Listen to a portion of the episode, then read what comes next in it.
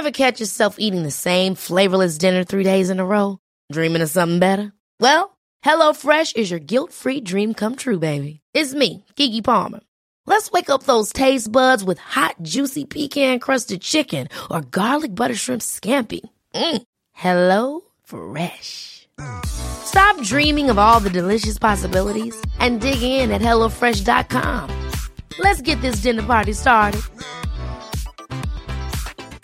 Hey, I'm Ryan Reynolds. Recently, I asked Mint Mobile's legal team if big wireless companies are allowed to raise prices due to inflation. They said yes. And then when I asked if raising prices technically violates those onerous two year contracts, they said, What the f are you talking about, you insane Hollywood ass? F- So to recap, we're cutting the price of Mint Unlimited from $30 a month to just $15 a month. Give it a try at mintmobile.com slash switch. $45 upfront for three months plus taxes and fees. Promo for new customers for limited time. Unlimited more than 40 gigabytes per month. Slows. Full terms at mintmobile.com. There's never been a faster or easier way to start your weight loss journey than with PlushCare. PlushCare accepts most insurance plans and gives you online access to board-certified physicians who can prescribe FDA-approved weight loss medications like Wigovi and Zepbound for those who qualify.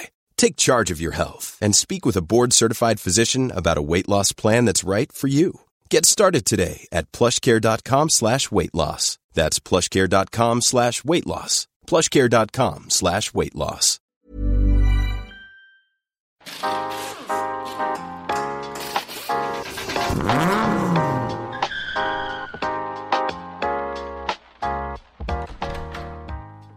Jaha, avsnitt 11 nu. Och eh, nu är det äntligen dags för lite eh, mer gäster, eller gäst blir det idag. Eh, och det, det är spännande. Och i, vi har också Maritza med oss idag och Mackan. Ja, det är kul att vara här. Ja. Och Peter såklart är med också då. Tack. Vi ska väl gå igenom lite tänker jag. Det är ju många som har frågat och eh, jag vet att det här är ett väldigt eh, intressant ämne för oss som håller på med det här dagligen men eh, som kanske inte har riktigt den kunskapen du besitter. Du låter väldigt städad idag Ja, jag är väldigt städad Ja, idag. det känns som att du, eh, du, du är taggad på det här. Ja, men det här har jag längtat efter vet du, för det här är my corner. Ja, men det är gött. Ja. Men vet alla vad Peter gör? Nej, vi ska gå in på det. Mm, spännande. Nej, men så jag tänkte Peter, du får berätta lite vad eh, jobbar med jag säga, men du har ju, du har ju PMM. Ja, det stämmer. Ja, Eh, jag håller på med motorrenovering då. Ja. Och eh, ja, allt från ja, traktorer till eh, racerbilar. Mot, mopeder, motorcykelmotorer också. Motorcyklar blir det ju en del. Ja. Eh, inte hela motorer men mycket topplock till fyrtaktare och borra lite cylindrar och sådana Ja, saker. Men det, ja, så, så, det är rätt mycket, när man har varit hos dig så kommer man in tänker man så här, okej, hur fasken håller du reda på allt det här?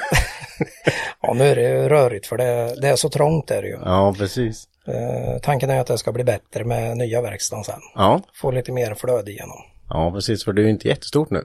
Nej, det är väl en 65 kvadrat. Ja, och alla ringer och tjatar och vill ha grejer klara. Ja, det ställs in, ja dels det och sen ställs det in mer och mer grejer så det blir ju, man kan ju inte gå. Nej, precis. Men hur, eh, hur började det här nu då? Vad, Det här, vad jag håller på med eller motorintresse. motorintresset överlag? Ja, det börjar nog med att eh, min farsa inte tyckte om det. Jaha. Jaså, jag trodde det skulle vara tvärtom. Ja. Nej, men det var, nej men han var ju bilmek eh, och det tyckte jag var skitkul då. Ja, Skruva ju med allt från cyklar till, ja men lådbilar och sådana här saker. ja, Och, eh, men farsan han tyckte mest om jakt och sport. mm, Och det höll man väl på en del med också. Men eh, det var just motorbiten jag fastnade för. mm. Så fick man ju tjata till sig någon gammal moped när man var väldigt ung. Som inte funkar givetvis. Jag fick bara mopeder i lådor, tras, trasiga. Så att eh, det tog några år innan jag fick ihop någonting som jag kunde åka på då. Fick ju inte jättemycket hjälp då, men lite. Ja, Jag brukar ju alltid fråga om, eh, om man haft, vad, vad har du haft moped och om du har haft moped, men jag tänker att den frågan har du ju redan svarat på här så. Ja, ja, okej, ja, ja. ja har man ju haft några stycken. Ja. ja, nej men så jag trodde ju helt att det var så här, alltså att det, man brukar ju, det brukar ju vara lite så att man kanske ärver intresset av eh, sina föräldrar eller så här, men här var det något du byggde upp eh, mer och mer själv eller?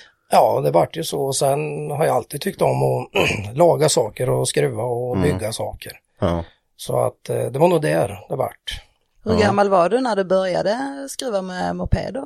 Ja, ja, ja det, vad kan jag ha varit då? Kanske åtta. Oh, Jesus. Eh, drog hem gamla gräsklipparmotorer trasiga och skruvade isär. Inte så mycket ihop då. då. Nej. Men eh, nej, men så vart det mer och mer och ja, sen till slut då fick man ihop saker och ting. Farsan hjälpte med vissa grunder då, Ja. hur en motor fungerar och sådär då.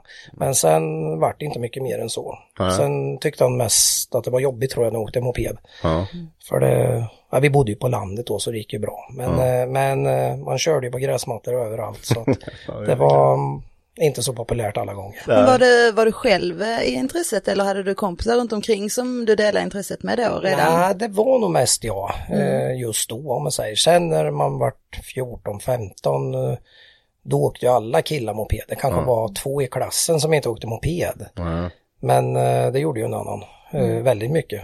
Och du som fick laga alla moppar sen? eller? Mycket så vart det ju. Ja. Det, det var ju alltså, jag kommer inte ihåg riktigt, men man kanske var ja, 12 år kanske, då liksom hur många kunde ställa in tändning och brytare på en moppe. Jag kan tänka mig att alla dina kompisar gick till dig. Eh, Vi, ja, det var några stycken kan jag säga. Så, vi träffades ju hemma hos mig oftast. Ja. Så var det ju då och sen i garaget. Ja.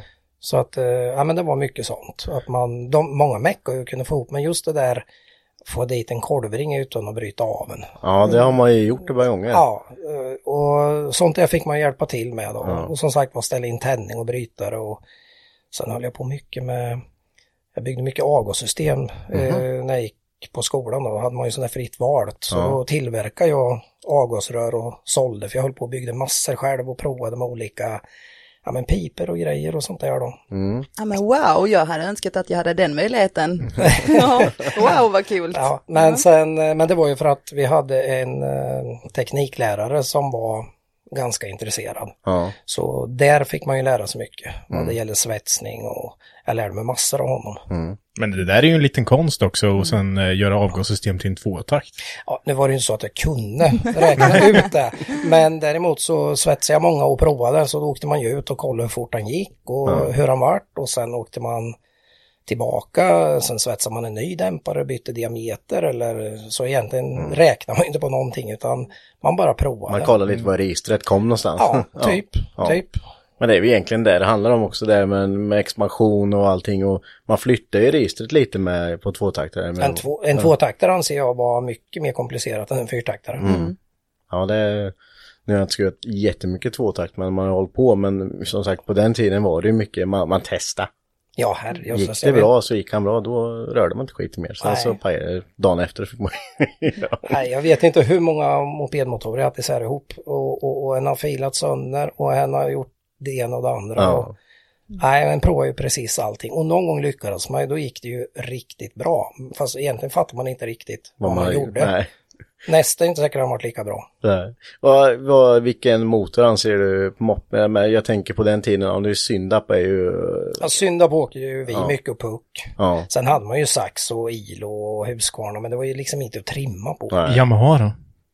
Ja, det är, Det är viktigt. allvarligt talat så hade, alla som åkte Suzuki K50, det gick ju knappt framåt. Eh, eh, däremot så hade vi en eh, kille som åkte Yamaha och den fick vi att gå. Fast då, vi köpte ju cylinder och allting. Men det är väl den första moppen, vad kunde jag varit då? Kanske var 14 och han var något år äldre. Som, som man fick det där ljudet som en modern derby eller någonting. ja. Det låter som en cross. Mm. Och det hade man ju inte hört förut. Eh, liksom när man åker synda på och puck och trimma, vad gjorde en puck då? 55-60 kanske. Mm. Eh, och en syndap, det, ja, man kanske hade någon som var uppe på 85-90 om man hade tur alltså. Ja. Eh, och då när den där eh, Yamahan kommer jag ihåg, eh, skrev ihop den, jag tror det var 76 eller någonting, 75-76, Mm. en sån där matad från sidan. Och vi bytte cylinder och avgassystem och sen en annan, nej vi bytte inte ens förgasaren utan vi bytte bara insugsplattan var ju lös på den. Ja. Och det var ju, någon, det var ju liksom, den gjorde 80-85 direkt. Ja. Och det var ju sånt där gött nyp, han var ju lite trött i botten och sen Ja. var det ju bara nöp iväg. Ja. Och det kommer jag ihåg. Det, Ja. det, då liksom jädrar i havet. Jesus. ja, det går ju, det går ju att åka fort på de där Ja, det gör ju det Även fast det inte är så mycket volym i den så eh, varvar det lite istället. Nej men det var ju lite modern tänk jämfört med en gammal synda på puck. Mm. För det har ju sett likadant ut som 50-talet. Ja, ja, absolut. Det är så kul att man jagar de här kilometrarna på, på mopeder liksom. Ja. Att det är så här, du kan lika gärna egentligen bara stoppa på typ en lite större, eller mindre MC-motor. Så kommer han gå som fan. Mm. Ja, det är ingen sport. Nej, det är Nej, inte det som är precis. grejen. Ja. Nej, vad fan, och vi är ju fan, det fanns ju inga GPSer då. Utan Nej. då var det ju liksom om man hade någon äldre polare som hade 125 Ja. Så den fick ligga och mäta upp då. Det var Jaha. så det funkar. Så bara maxa din, så Nå- åka efter, se om jag hänger på. Någon gång tror jag jag drog ut morsan med. Ja. Så fick de bilen och kolla. Gud vad roligt. Ja, nej, men det var kul. Det är skoj i moppåldern. Och det, det kommer ju tillbaks lite det där. Det är mycket medelålders män som är ute och kör moppe i rallyna nu alltså, och Ja. trimmar. Och det, det, är fan, det är inte ungdomar som kör som är värst. Nej, nej. Det är ju liksom, ja men 45-50 där och de går som fan vet du. Ja, ja, men så är det. Ja. Men, men sen är det ju, jag tycker att få en derby och gå fort är ju inte så svårt. Nej, det är ju bara... Det är bara att plocka på grejer. Ja, Det är ungefär som jag säger, det är ju inte så svårt att trimma en motor idag när den har en turbo. nej. Det är skillnad att trimma en sögmotor. Mm. Det är ju det som är skillnaden om man säger. Ja, det är väl då det är lite mer på, på riktigt kan jag tänka mig. Jag sa det i förra avsnittet, jag har ju inte gett mig på eh, sugis eh, trimmen än, men... Eh, skulle- Idag så ställer vi de frågorna. Tror Alltså, jag. Idag så ställer vi de frågorna. Ja, precis. Så vi får lite tips. Ja, det, så det ska bli jäkligt intressant för det, det är ju inte bara med Kör man turbo, ja då kan du kompensera med laddtryck eh, liksom. Ja, ja, sen kan du få en lustig karaktär på den. Ja. Eh, det gäller ju bara att få den att hålla. Ja, Det är ju det det handlar om. precis. Och, då- och då är det ju oftast, ja, men det är ju oftast ketchup liksom. Det är ingenting, ingenting som whoop iväg bara. Ja, och, och, och då känns det ju också brutalt. Ja. Så är det ju. Och jag tror lite att det är det man, eh, vad säger man vill med ett bra register, bra, bra register på en turbo, det, det är ju gött liksom. Men, men ändå när det kommer allt herrejösses på en gång, då blir man lite så här, oh, Ja, det är ju spännande. Ja, det är det. Håller det nu eller går det åt helvete? Det är spännande på alla sätt. ja, absolut. Men eh, ja, så det var mycket mopeder och det var mycket skruvande där. Sen, ja, och efter det vart det ju EPA-traktorer och A-traktorer byggde vi då. Ja. Så att, mm, Vad var första epan? Var det en duett? ja det var en duett Ja. givetvis. Det var ju det man skulle ha. Ja. Eller jag byggde en A-traktor först. Eh, som inte vart färdig så sålde jag den för då skulle jag ha en EPA istället. Ja. Och då kanske jag var, kan jag ha varit, jag var nog inte 15, 14 kanske. Ja. byggde chassi och allt möjligt skit och höll på. Mhm. Men sen eh, sålde jag det för då skulle jag ha en EPA. Eh, på den tiden kunde man ju, ja nu är det ju 15 år för alla, men då var det ju 16. Mm. Men de som var bönder Ja, fick ju när de var 15. Jaså? Ja, det var ju, hade ju de dispens. ja, det hade de. Och eh, det var ju likadant där. Det, det, började, det var ju EPA då, för då kunde man ju lagligt köra lite fortare, fast du fick ju inte köra fortare. Nej. Men jag hade spåra hjul det med. Så. att- ja, nej, det var mycket roligt. Så jag hade nog eh, två A-traktorer och en EPA i alla fall hade jag. Ja. Så Ja. det var ju, det var ju där man kom, kom i, kontakt med, i kontakt med B20 och började trimma det då. Var B20 det första? Det började, första bilmotorn egentligen började med? Ja, som, som jag började mecka ordentligt med Ja. ju då, om man säger. Och sen är kompisar, de som var äldre och alla åkte ju B20 med Vebrar och så var det ju då. Ja, nej, för jag tänkte lite på vad, vad när, när det började, men då, då jag förstod nästan att om du vet, ja då är och B20 där liksom, det är, det är väl där i den svängen man Ja. börjar.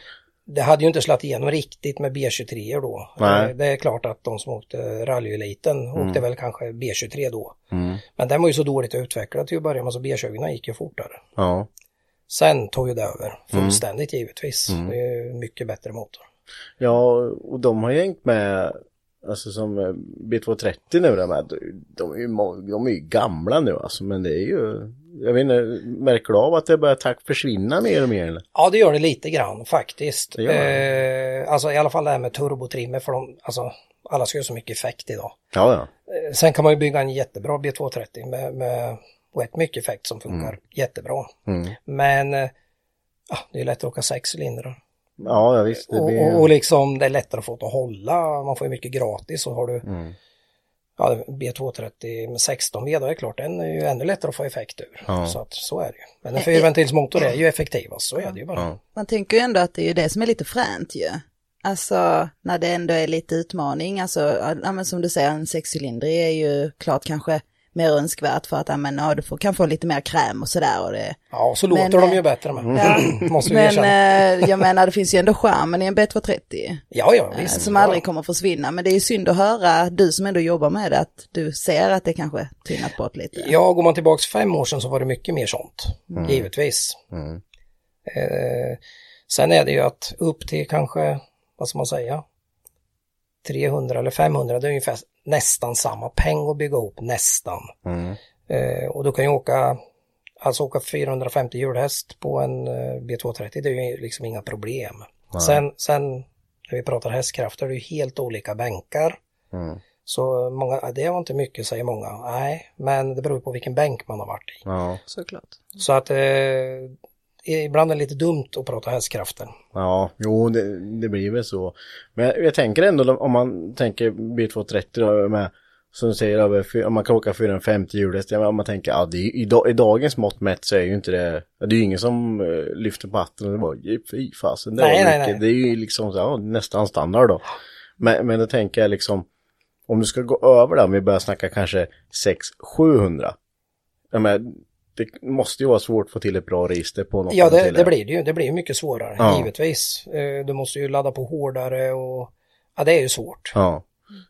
Finns det något, eh, säg, säg... Sen kan du gå upp i volym lite Ja, givetvis. mm, Men det finns ju också en gräns för att jag, karaktären blir lustig om man ökar på slaget för mycket. Mm. Och det bryter, alltså blockerna är ju inte jättestarka egentligen, cylindervägar och sånt. Eh, så att man vill ju passa sig för långa slag och, och, och tryck mot cylindervägg Mm. och sånt va. Men, men en, en bra turbomotor 2,5-2,6 det går ju. Ja. Men, men säg ett, eh, vad är, vad är standardreceptet då på en B230? Det ska på turbo och det ska liksom, för det är ju aldrig, folk har väl lite mål med vad de vill ha för effekt i sin Ja. bil, men säg så här, ja men jag vill ha en skottsäker motor, jag ska ladda på som fan. Vad, är det bara smidmaskin och, Ja, det finns inte mycket. Alltså, sen är det ju gjuten vevaxel i B230. Det är ju inte smidd. Eh, vilket också, det är ju så här att de håller jättebra, men, men det är inget att ligga på varvstoppen med som en jävla idiot hela tiden. Och så tar man bort svängningsdämparen fram och dubbelmassa svänghjulet. Ja, det måste man ju ta bort. Men en gjuten axel tål ju inte svängningar. nej, Och, och om vi säger att du ligger på eh, 2,5 bars laddtryck och sen varvstopp på 7,5-8 tusen. Mm. Du kan ju tänka dig vilka svängningar det blir i vevaxeln. Mm. Och har du då ingen som tar upp svängningarna då, då går de av. ja, Men en smid vevaxel är ju mycket bättre på det viset för den flexar ju. ja. Den hänger med liksom. Den hänger med, Ja. den, den tål lite flex. Mm. Men gör man, säger man bottendelen då, så man, det finns väl eftermarknadsaxlar då att stoppa i Ja, ja, som för fan. Men de är ju dyra. Ja, det kostar ju pengar då. Mm. Eh, ja, men sen lite H-profil och lite som allt liksom. Mm. Men i, topp, eh, i toppen finns det mycket att göra där. Man hör ju, ja men 530 531 där. eh, Det är ju... Är Ja, men det finns mycket att göra. Ja. Givetvis, bara för det är en åttaventilare. Han, Ja. han är ju då, eller dålig, man har jämfört med en, om man kör en fyrventils topp i flödesbänken och så Mm. öppnar man ventilerna 3 mm och så öppnar du på en tvåventils topp. Alltså det är som skillnad i flöde. Mm. Så du behöver inte ens tänka på att ta fram filen på en fyrventilare då, jämfört med en tvåventil. Nej. Och eh, då tänker vi nästa steg, kammen då, är väl ännu viktigare då. Den blir ju precis eh, på en åttaventilare blir ju den viktigare. Mm. Eh, för att du, du måste ju försöka få in mer luft. Och, Mm. och, men så vill du inte ha för vass kam för att då blir han ju dum i registret. Alltså han kommer ju så högt upp så han blir ju död. Så eh, det där gäller att få till. Vad, vad kör om man- Vi tar de kammarna som finns, eh, vad heter de? Det är M-kam, T- V- VX3, bla bla bla. Ja, det, det är ju standardkammar. Ja. Men, men det, det kommer ju inte så långt. Nej. Vi har ju, jag har ju en bil som min äldste grabb byggde först då. Med A-kam i. Och den är ju, den är ju bromsad in hos Tony på AGS. Nu är ju den bänken väldigt elak. Mm. Eh, men det har ingen betydelse. Eh, och du vet, då kör vi, den är ju bara en vanlig sugmotorbottendel. Mm. Sen är det en 530 som vi bara har förresten lite andra sätesvinklar och putsat till, alltså inte portat upp utan lite grann. Sen kör vi en AK med den. Mm. Och sen är det 19T turbo på den. På ett originalgrenrör. Ja. Och sen är det, det är ju ett jädra megaskört på dem, men det, det har ju funkat. eh, och så kom han in till Tony med det och han bara, "Åh, fy fan, det där skiten vill jag ju inte ta i när det är megaskarpt. Men han sa, ta med din egen dator, sa han till Viktor, så, så ska jag fixa det. För jag hjälper ju honom en del. Och eh, ja, det var ju inte samma bil vi åkte hem med när vi, som när vi kom dit. Och ändå då, då laddade vi en och en. Eh, han går på sprit med kan jag säga. Ja. Och den gav då tror jag 256 hjulhäst, låter ju ingenting. Nej. Men han går ju asbra. Det är ett sånt superkoncept vad det gäller register. Du vet, från 2000 till 6,5. Det är liksom, det går usar på hela vägen. Ja, wow, ja. Så att det liksom, sen har min yngre grabb, han byggde också en sån motor fast på med en 531 med V-kam och samma turbo. Eh, Vad är, då, vad är skillnaden mellan en 530 och 531 då? ja, det är stor skillnad på insugskanalen. En 530 är ju jättedålig egentligen och 531 är ju ganska bra original. Eh, men i alla fall då åkte vi in eh, samma turbo eh, och vad fan var det för sprut på den? då? Max, nej, ECU Master var det. Och den levererar ju lite mer effekt men han fick ladda en 1.3. Ja. Men då kan jag säga att då var turbon slut vid 1.3. Det gick inte att ladda, ja, men han, ja, det är så mycket mottryck så Ja. det går inte. Så de som eh, åker med ett sånt koncept och laddar 1 och 6, det blir ju bara trasigt till slut. Ja. Men då var turbon slut och vi körde ända dit och den gav väl 276 eller 278 hästar på hjulen den dagen. Och den gick ju jättebra alltså. Ja. Men när vi la papperna över varandra, bromspapperna, då ser man om man skulle tagit ett average från 2000 till 6000, då hade jag mycket mer hästkrafter. Ja. Ja, det, är- det är ju... Men det där tänker ju inte många på. Nej. Så om vi säger att man kommer, kommer i en kurva eller ur en rondell och trampar på med hans 940, då är den mycket segare. Så då hade jag varit två billängder ifrån Ja. om man gjort samma sak. Ja, ja. Så där gäller ju att hitta rätt koncept. Så jag brukar alltid fråga folk liksom, vad ska du ha bilen till, vad ska du göra och liksom, ja, men det är väl mycket det som spelar roll i slutändan. Vad, vad du har tänkt göra med bilen. Jajamän. Men många säger, de tror ju de kan få 600 hästar och så ska det vara som att köra, ja men, kan dra husvagn och åka på 2000 Ja. varv. Det funkar ju inte. Nej.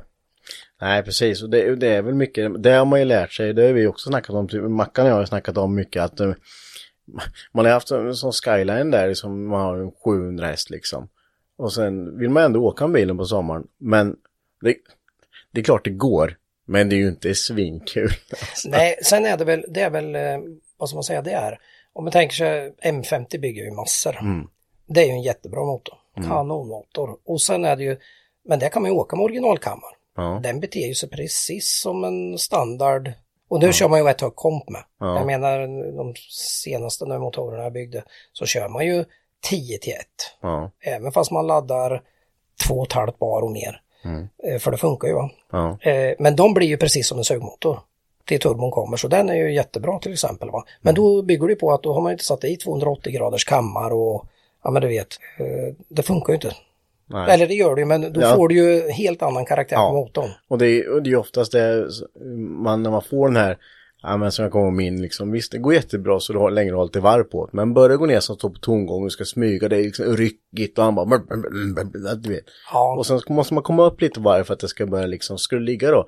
Ja, nu vart det kö här framme då, då man, bara, det, du, du, man tröttnar till slut, bara, Ja, jag tar ja. en vanlig bil, jag orkar inte Nej, idag. precis. Nej men det är, så, det är ju tråkigt när det är så. Ja. Men, men liksom, en eh, tvåventilare som man säger en B230, den blir ju ännu mer känslig. Mm. För du måste åka med ännu mer överlapp. Eller det blir ju mer överlapp, det är Mm. ju bara så va. Ändå fast man splittar isär kammarna, eller kammen på nockarna, Mm. så blir det ju så lågt vakuum och det är bara så. Ja, det är intressant det där. Eh, Vi skulle kunna snacka B230 hur länge som helst känner jag, men eh, vi Ja, har ju...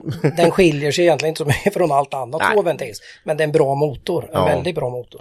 Men, men bara lite snabbt. Eh, varför tror du att den försvinner mer? Är det för att, eh, är det billigare? Det är ju sagt, det är, det är väl lättare att få mer effekt ur sexorna och allting där. Men, Ja. men är det för att de börjar, det har gått åt så himla mycket eller är det för att folk liksom, nej, de bygger inte på det här för det, är- det är inte kostnadseffektivt. Nej, men jag tror de kräver mer effekt. Ja. Det är så. Men finns det, bör finnas tak på effekt? Jag menar, du kan ju, visst 2000 hästar, men vad fan ska du ha det till om du inte... Nej, men det, det, det- det är så det är. Ja, Folk har, det, det blir bara galnare. Ja. och galnare alltså. Det, och sen är, visst det är ju det som är utvecklingen, det är ju inget snack om saken. Hade vi suttit där för 25 år sedan och pratat hade vi inte pratat om den där effekten. Nej. inte ur en B230 i alla fall, det kan jag lova. Ja, det är sjukt alltså. Om man får fråga av de motorerna du har byggt, är det någon du vet, ja, men som du fått veta i efterhand hur mycket effekt, vilken effekt har varit värst i de motorerna du har byggt? Ah, Det vet jag inte. och det är ju också svårt bara för man åker till olika bänkar. Men, men liksom åka med 6 650 hästen 16 tilare det är ju inte svårt Nej. egentligen. Det, det skulle man ju kunna, det träliga med dem är ju att det är hydraulkammare men det, det funkar rätt bra ändå. Nej men jag tänker om du, har du haft in någon sån här värstingbygge som du har fått reda på? Så, ja men ringer bara du Peter fasen, jag fick så här mycket vart den här. Något som du har byggt, liksom varit med och byggt kanske, du har satt ihop bottendel och du har liksom, ja men gjort allting så kanske eh, kunden då har satt ihop motorn själv och bänkat allting så kanske han hör av sig liksom. Så här mycket effekt vart det och liksom det har varit herrejösses. Ja, inte på turbomotorer så mycket, det är väl eh, några suger sådär, sådär som man vet att man har fått ihop ganska bra. Som, som ring, ringt och varit nöjda. Ja. Vad roligt. Eh, nu är inte jag någon jädra motorexpert på det, men, men liksom ibland får man till ett bra koncept. Ja. För det, det ska man ju veta när det är en sögmotor, de där sista 10 procenten är inte lätt att ta ut alltså. Och de som bygger en motorn och bygger har ju oftast byggt likadana motorer hela tiden för de har kommit fram till koncept som funkar. Det är ju, det är ju så det är, det, det kvittar ju om det är en Ford Pinto eller om det är en Volvo eller vad fan det är. Va? Ja. Eh, De gör många sådana. Jag gör ju inte så jädra många, men visst, man vet ungefär vad som funkar i en B20. Och ungefär hur kanalerna ska se ut och grejer. va. Så att det, det är ju egentligen, men det där sista, sista, det är, och de kostar pengar alltså. Eh, idag kan du inte göra så vassa kammar på ett gjutet ämne, utan du måste ju ha ett stålämne då. Eh, öka på lyftet ganska redigt. Eh, och då, jag menar en kamaxel kostar 5000 till en B20 då. Ja. Om man ska ha en sån där va. Och sen är det inte bara att stoppa i den och tro, åh jävlar nu kommer motorn gå bra. Nej. Utan då ska det vara annat grenrör, alltså kompet ska vara, alltså det är så mycket längder på insug och allting va. Och det är för, jag kan tänka mig om man tar, tar en, men säg att man köper en kamaxel då för 5000 spänn lägger i och man bara startar och nu jäklar vet du, nu kommer det bara kasta iväg här. Och så bara nej. Eh, nio gånger av tio så är det inte så, det kan jag säga. Nej, nej. nej det, Jag hade faktiskt, jag byggde en Appendix K till en eh, kille som kör. Och då, dels hade jag dåligt med tid, men sen så, jag byggde motor åt hans kompis. Det var han som, eh, eh, ja, tyckte han skulle bygga motorn hos mig då. Så att eh, då, ja, då gjorde vi så då att eh, jag köpte in alla delar, men jag förklarade för honom att jag kommer köpa en det blir en CNC-portad topp för att jag har inte tid att sitta just nu. Utan det räcker med att man ska borra, balansera, ja, du vet hela jävla bottendelen. Man får ju bara polera stakar och lätta och det är massa sånt där. Man får ju liksom inte bara kasta i H-profil. Nej, nej. Utan då sa jag precis som det var. Vi köper ett koncept, eh, jag borrar, balanserar, fräser säte och sätter ihop motorn och allt. Men portning och allt och kamaxelkoncept, grenrör, insug. Det köper vi eh, av en kille som jag vet som håller på. Eh, ja men det är helt okej så. Och då gjorde vi det. Ja det var inget mer med det. Motorn blev ganska dyr. Från förgasartratt till grenrör, så är det ju. Eh, och eh, det var inget mer med det. Han startade och gick hur fint som helst. Och de åkte till bromsbänken. Då var ju motorn helt färsk. Och B23 är ju sämre på det viset än B230. Att du har bredare lager. Du har större diameter på lagren vilket bromsar effekten. Du har kortare stakar. Alltså det, det är vissa saker. Och du får ju inte ha stortryckarkam. Du måste ju åka med 33-tryckare. Men i alla fall det vart 228 häst tror jag. Ur 2,3 liter då på uppe på Ultramotors tror jag det var. Oj.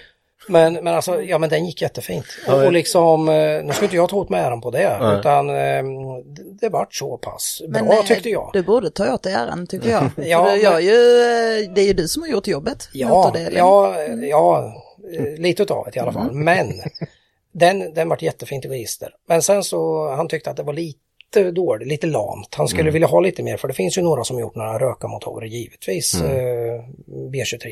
Ja, han, då hade ju han en annan kam, men alltså det är inte bara att lägga i den här för att eh, där kan man ju få stå ett par dagar i bromsbänken och prova grenrör, halsringar, bla bla, allt det där va. För att få till ett, plus att han blir lite sämre i botten. Han blir ju svårare att köra, det blir ju som att åka tvåtaktskross eller fyrtakt ungefär va.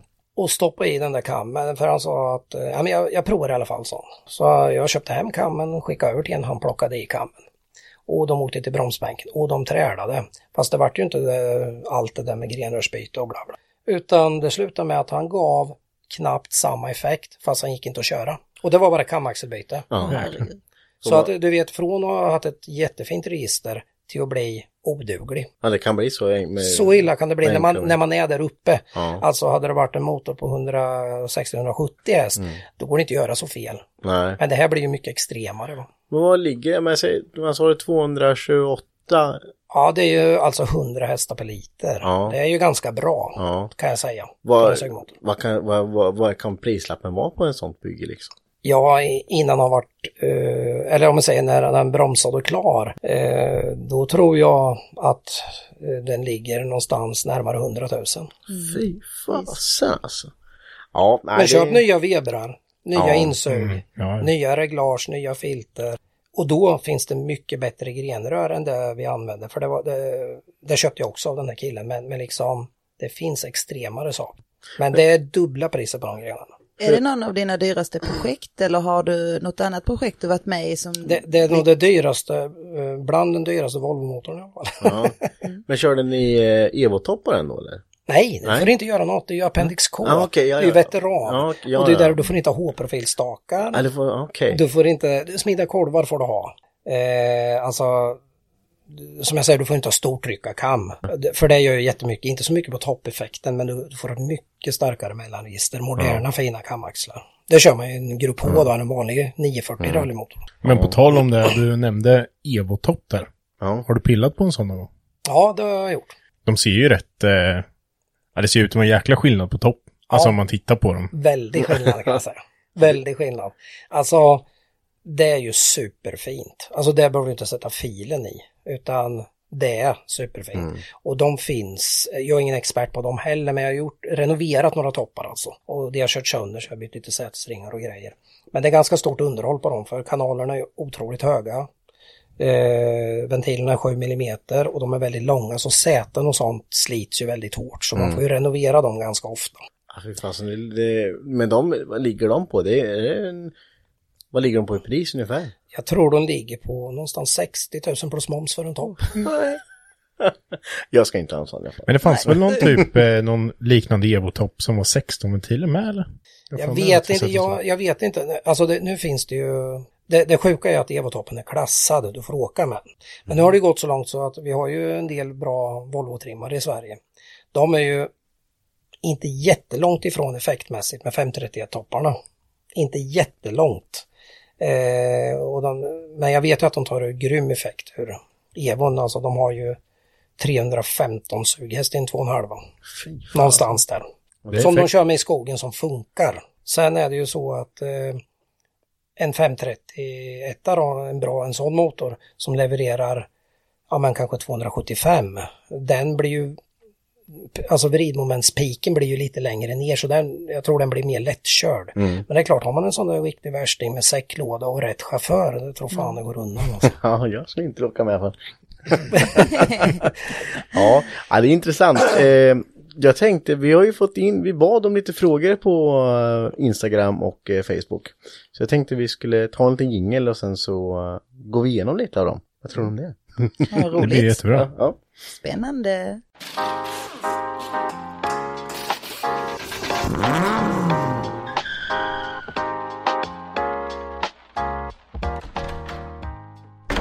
Ja, välkomna tillbaka. Välkomna. ja, tack. Tack. Tack, tack. Har ni hunnit gå på toa? Ja, nu är kissad och klar. Ja, Mm. skönt. Är du det med Mackan? Eh, absolut. Mm. Alltid. Nej, men vi ska fortsätta lite här med våran, eh, våran gäst. Mm. Idag. Vad, eh, jag tänkte på det, här, vad, vad pysslar du med? För jag vet ju att du kör ju inte det här på, på heltid och bygga motorer.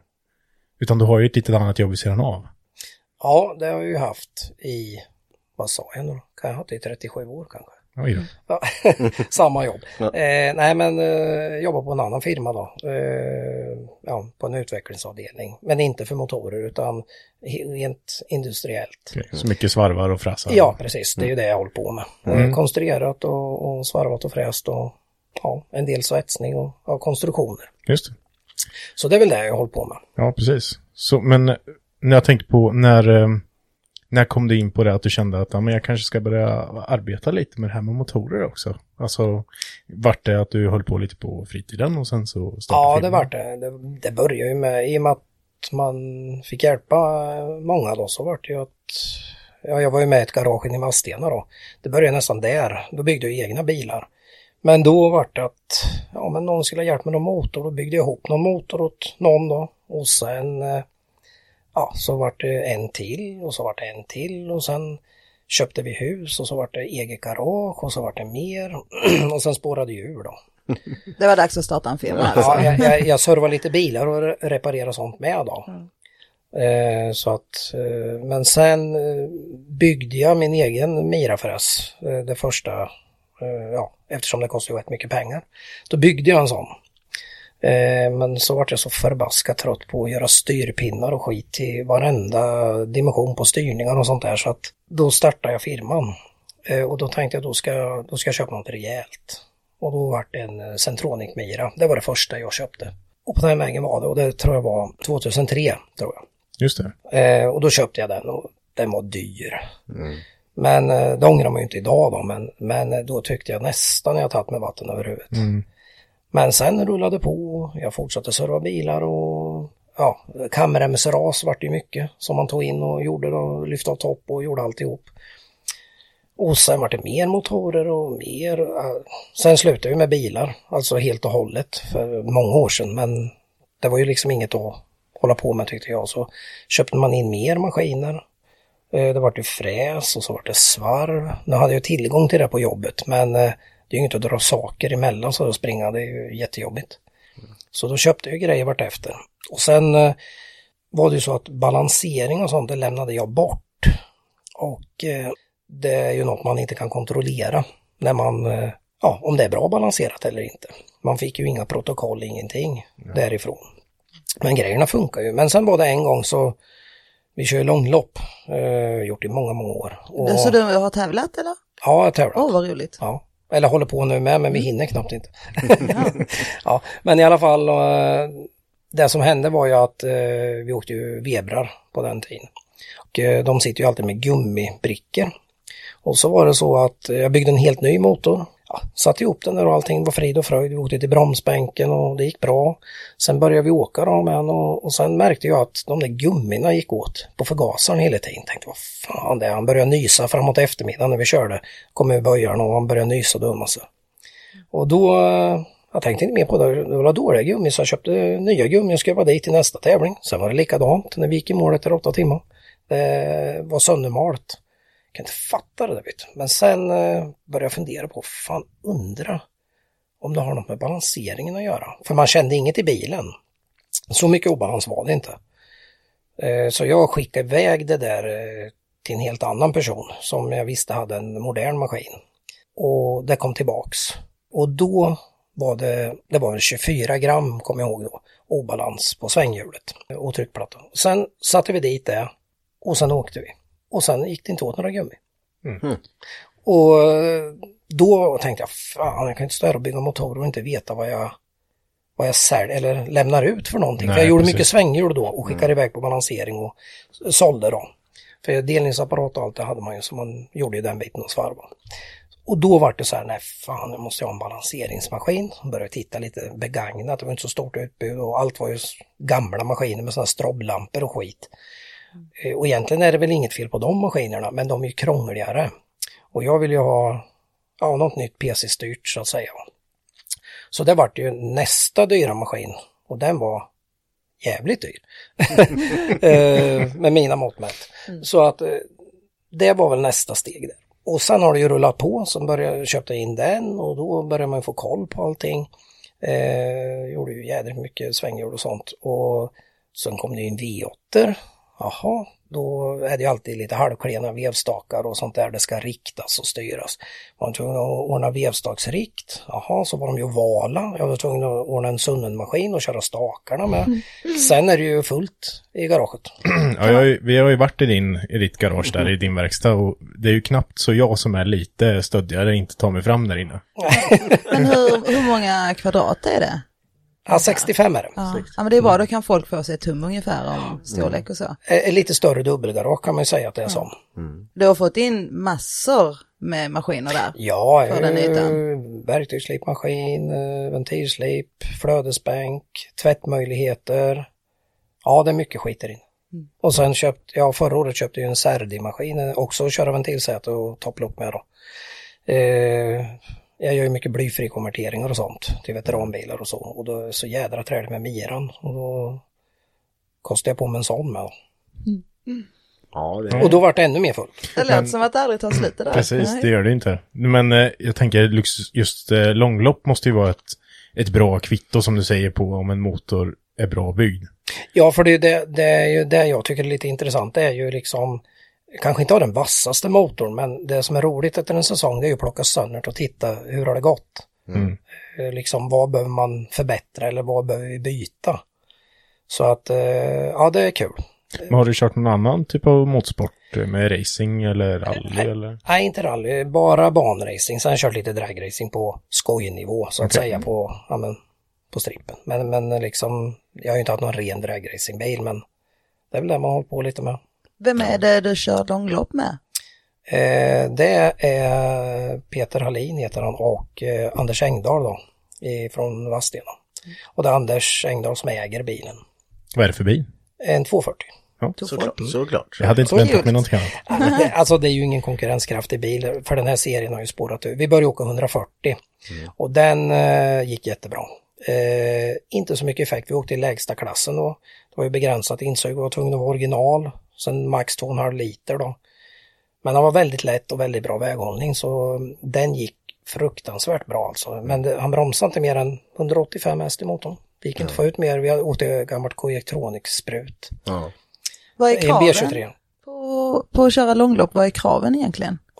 Eh, vad tänker du på krav? Ja, men maskinellt, eh, får man trimma och sånt eller ska man försöka hålla sig rätt Nej men det, det är ju bara att byta klass. Vi, vi har ju tre klasser. Okej. Eh, på den tiden var det ju klass 1, 2, 3 tror jag det hette då. Men då var det ju, alltså det är ju ganska krångligt. Och, men det är ju att det ska, instegsklass måste man ju ha va. Så att eh, då är det ju, vi åkte max 195 handelsdäck då tror jag det var. Nej 205 fick vi ha förresten, handelsdäck. Och då jobbar man ju, man, eh, letar man ju efter så, alltså så däcken var så mjuka som möjligt. Sådana här R-däck som gick bara. Ja. Så att, eh, och sen fick man hålla på med, labba lite med hjulinställningar och sen skulle motorn hålla ihop då. Det var inga problem att få den att hålla ihop. Det var ju värre med kanske växellådor och sånt för det gick ju väldigt varmt. För det var ju på gränsen om man säger effektmässigt om man skulle ha kylning och sånt på. Men eh, den eh, vann vi jädrigt mycket med alltså. En, en, jag tror det var 2004, då körde vi sex lopp och vann sex lopp. Med, det är 100, bra. med 140 igen? Ja, Åh. och inget, det enda jag gjorde emellan tävlingarna det var att byta olja i bakaxel, växellåda och motor. Mm. Och det höll. Det höll. Det är ett bra kvitto. Ja, det, det gick jättebra. Nu har inte jag gjort bakaxel och växellåda, men den växellådan var ju en M40 för vi åkte inte med något annat. Ja, det gjorde vi senare sen, men det höll ihop i alla fall. Och, eh, men däremot efter den säsongen, då var det mycket på kaross och, som var slitet. Så ja, det ramlade nästan isär. Men det- det var, och då var det inte så allvarligt, det var jädrigt kul. Sen köpte ju Anders en 240, en jävligt fin alltså. Och så började vi jobba med den och den var ju vassare men vi åkte inte mycket fortare. Han var vrångstyr att köra. Alltså 140 var så följsam så det, man kunde liksom ja, komma på trean och slå i fyran och liksom nästan drifta ut. Nu ska man ju inte åka för brett när man åker banracer men, men med lite överstyrning körde man ju. Och liksom du känner aldrig orolig. Det kunde vara liksom 140-150 blås lite sådär. Det var aldrig någonting. Åh, vad skönt. Ja, det är gött. Ja, och sen 240 den har vi brottats med i alla år och det gör vi fortfarande. Det är nästan som man får komma och titta någon gång. När ni kör. Ja, När nu har kör vi- ni nästa gång? Ja, det, det är ju inställt allt. Vi, vi byggde ju om den där jävla 240 för det var ju, ska, vi- ska vi, alltså vi åker ihop med TCR-bilar, alltså de här nya moderna, Siat, Värsting. Alltså det är ju bara att köra. Det är Det lite får- roligt ändå att du, ni kommer med en 240 då. Ja men det är ju, det är ju han som äger som sa att vi måste ju slå lite underifrån. Vi kan aldrig bli snabbast. Nej. Men om man kan få det att hålla ihop så kan man vara med. Va? Och det var ju att vi gick upp en klass. För att klasserna har bytt så det har varit massa tjafs. Men då sa han, då kör vi. I den värsta klassen, då vart det överladdat, kör vi ju nu då. Eh, så att nu har jag hållit på som fan med det då, försöka få till något koncept som funkar bra då. Och sen kör vi sällan säcklåda och lite grejer. Så att, eh, men då, vi har haft mycket strul har vi haft med grenar och skit. För vad en än säger, det, alltså nu åker det dit ett original som vi gör om. Bara för att, eh, alltså de där, få det där att hålla, vi får det att hålla ungefär 5-6 timmar. För vi kan ju inte stummontera motorn något. vi måste ha lite gummiupphäng för att annars så vibrerar bilen sönder. Och ja, det går inte att få skiten att hålla alltså. Och det är rotsvetsat och det är allt. Och det Men- spricker då eller? spricker. Ja. Så att eh, nu, nu ska vi dit med ett original och sen försöka få till det då. Tony kommer nog bli jättesur i- när vi åker till bromsbänken med det här. Vilka, han kommer ju tycka vi är dumma i huvudet. Men det är skitsamma. Men, men alltså det gäller ju inte att ha värsta effekten. Det gäller att komma i mål. Ja visst. Det är väl det som är lite kul med långlopp. Ja det är det. det, är det. Och sen eh, alltså det är den enda lagsport jag tycker är rolig. Ja. Men Ja, är, men det, är det MSLS ni kör då eller? Ja, MSLS. Mm. Just. Så att det, Vad är det för något? Mellansvenska långloppsserien. Aha, Oj, det visste inte jag heller. Det var visste nog bra jag. vi ställde den frågan. Förr körde vi bara Svist och Mantorp. Mm. Och, så de banorna har jag åkt några gånger kan jag säga. Eh, nu åker vi även Kinnekulle och så är det Anderstorp. Just det. Men där, vi var på Kinnekulle förra året och körde och det var väl första gången som vi körde bilen. För vi, vi har sagt att vi vill åka en hel dag fullt ut eh, och allt ska hålla. Sen ska vi hyra in en chaufför som ställer in, eh, vi har ju köpt, eller instämpar och grejer då. Så att, eh, och det är ju inte vi kapabla att ställa in. Så då ska vi ta in en riktig proffschaufför på det och sen får han ställa in knivkrängare, stötar och allting och tala om hur vi ska ha hjulvinkla och allting. Just det. Men det är väldigt olika också på vilken bana egentligen man åker också. Det är det. Men sen kör man långlopp, då får man tulla på lite grann. Man, man, man kan inte ha, alltså en del kör extremt fort kan jag säga i sina bilar. Men liksom, man måste, man kan inte ha vassaste hjulvinklarna för då kokar du upp däcken. Du måste ha ett mellanting på allting. Så vi, vi, det vi söker är en vettig torrinställning och en regninställning så att säga. Och att han tar fram vad han tror, ja torrt hoppas vi det när han ska köra för det är då vi ofta kör. Så han talar om då liksom vad, vad vi ska ha. Och det, så duger det åt oss. Ja, men det är ju... Bilen ska vara bek- bekväm att köra det är han inte, det kan jag säga. Det är lite kul, vi har faktiskt snackat lite löst om det i garaget ifall vi skulle skaffat en bil och köra lite långlopp ju. Ja, precis. Vi har ju tittat på MSLS-serien också Mm, faktiskt. Och köra instegsklassen där. Kommer Det- vi i konkurrens här vet ni? Ja, ja. Fast det är ju, det är ju som du säger, det är ju blivit ganska mycket pengar i den där serien. Ja, det, det är ju det som är lite tråkigt, det stegrar iväg för mycket. Va? Och sen ska vi tävla mot bilar som kostar en och en halv miljon. och Utvecklade av Seat Motorsport. Det fattar vi med att det inte funkar. Nej. Men, Nej, det men, går inte, men, men- om man kommer till banan, vad tittar de på? När vi var på Kinnekulle, de tittar ju på Volvo. Ja, ja, det är klart. Så är det ju va? Jag vill ju se en TCR-bil kan du åka på STCC. Ja, ja precis. Så är det faktiskt. Men under alla år som du har jobbat med det här så måste det ju finnas någon, någon motor som du tänker så här, fy fan, vad är det ens lönt att renovera fast du har gjort det? Alltså måste det varit en motor som har sett så jäkla misshandlad ut. Ja, jag vet inte fasen vad jag ska säga om det. Det Alltså vi, visst har man lagat många trasiga topplock där det, jag har ju fått in någon Audi vet jag, en RS 2 eh, för rätt många år sedan. Den var ett riktigt ras i, kan jag säga. Eh, bottendelen var ju bara, det var ju bara nytt. Och toppen var riktigt illa, men den hade jag lagt så mycket jobb på innan. Så den ville vi rädda. Och den var många sätesringar och mycket svets på. Alltså var det, vad var det som hade hänt? Fick du veta det? Ja, det vet jag för att eh, de körde ju bana på Mantorp. Om man säger inte tävla men en sån här track day. Och han droppade en ventil. Alltså Oj. Det var ju inget roligt. Nej. Och han visste om att ventilerna behövde bytas. Men, men han tänkte den där säsongen och det var sista körningen. Ja, det går en gång till. Det går en gång till. Och, och det, han hade satsat rätt mycket pengar på bromsar och sånt och väghållning. Så att, och den, den gick bra. Den var, det här är ju fan, det var inte med tio år sedan tror jag inte. Den var 780 häst i tror jag. Så den gick väldigt bra. Och sen skulle, sista körningen skulle väl mer eller mindre åka in i depå och liksom kommer eh, ja, vad ska man säga efter Mjölbyböjen där Mantorp upp och det är rätt gött att dra på där. Och där mosar han ju på och sen blir det bara tyst. Oj. Oh no. Och det bara dör ihop alltihop och grengör, glör och allting. Ja, det slog sig precis allting kan jag säga. Hur såg blocket ut då? Ja, det var bara skrot för att det var ju redan borrat så det kunde inte borrat mer. Så det var nytt block, nya kolvar. Vev och sånt klarade sig faktiskt. Men toppen såg inte bra ut för att den där ventilen han hade ju satt sig på tvären överallt, hoppat in i plenumet, Oj. hoppat tillbaks i, i stort sett, inte alla cylindrar men jag tror det var fyra av dem. Och varit inne och slatt i förbränningsrum och What? Jesus. så det var, det var ett riktigt ras. Åh jäklar. Det är sånt man vill nästan ha lite foton på Ja. så man kan se det där. Det är helt... Nej men den, den hade vi ju jobbat mycket med kanaler och det var större ventiler i och allting så toppen försökte vi rädda. Gick det att rädda då? Ja då, men det gick att ta lite hjälp av svetskunnigt folk. Och sen satte jag nya ringar och fixade till det. Går det mesta att laga sådär? Ja, men jag tänker, ja men säger man droppar en ventilsäck. Men det blir ju, man har ju sett bara när, när en ventil stansar lite liksom att, åh shit det här är ju... Nej men det, det mesta går faktiskt att laga men, men det komiska var att jag lånade ju ut min topp till Kevin Brunberg. Mm. Eh, och det var ju bara för att han hade ju lite otur. Det var TPS-givare som slutade fungera, det var spikningar och bla bla bla. Så han spräckte sin topp, alltså det vart för höga förbränningstemperaturer. Han sprack. Oj. Eh, och sen var det ju tävling och jag sa, vi hinner ju inte bygga en ny topp på typ en vecka eller vad fan. Så då så sa jag, jag har ju en motor som har stått i många år som jag körde på strippen med, min B230 och den hade jag lagt rätt mycket jobb. Det var ju 46-40 ventiler och ja, jag har lagt ner mycket jobb. Men så hade jag glömt bort att jag hade ju eh, en jävligt vass kam i den där. Eh, alltså ganska kort duration men jävligt högt lyft. Och den funkar skitbra. Och då kommer den kan ju inte han köra med för han hinner inte mappa om men vi måste ju ha samma koncept Ja. ungefär. va. Så tanken var ju att han skulle ta den, köra någon logg eller någonting och skicka till han som mappade åt den då. Och så får han titta över det.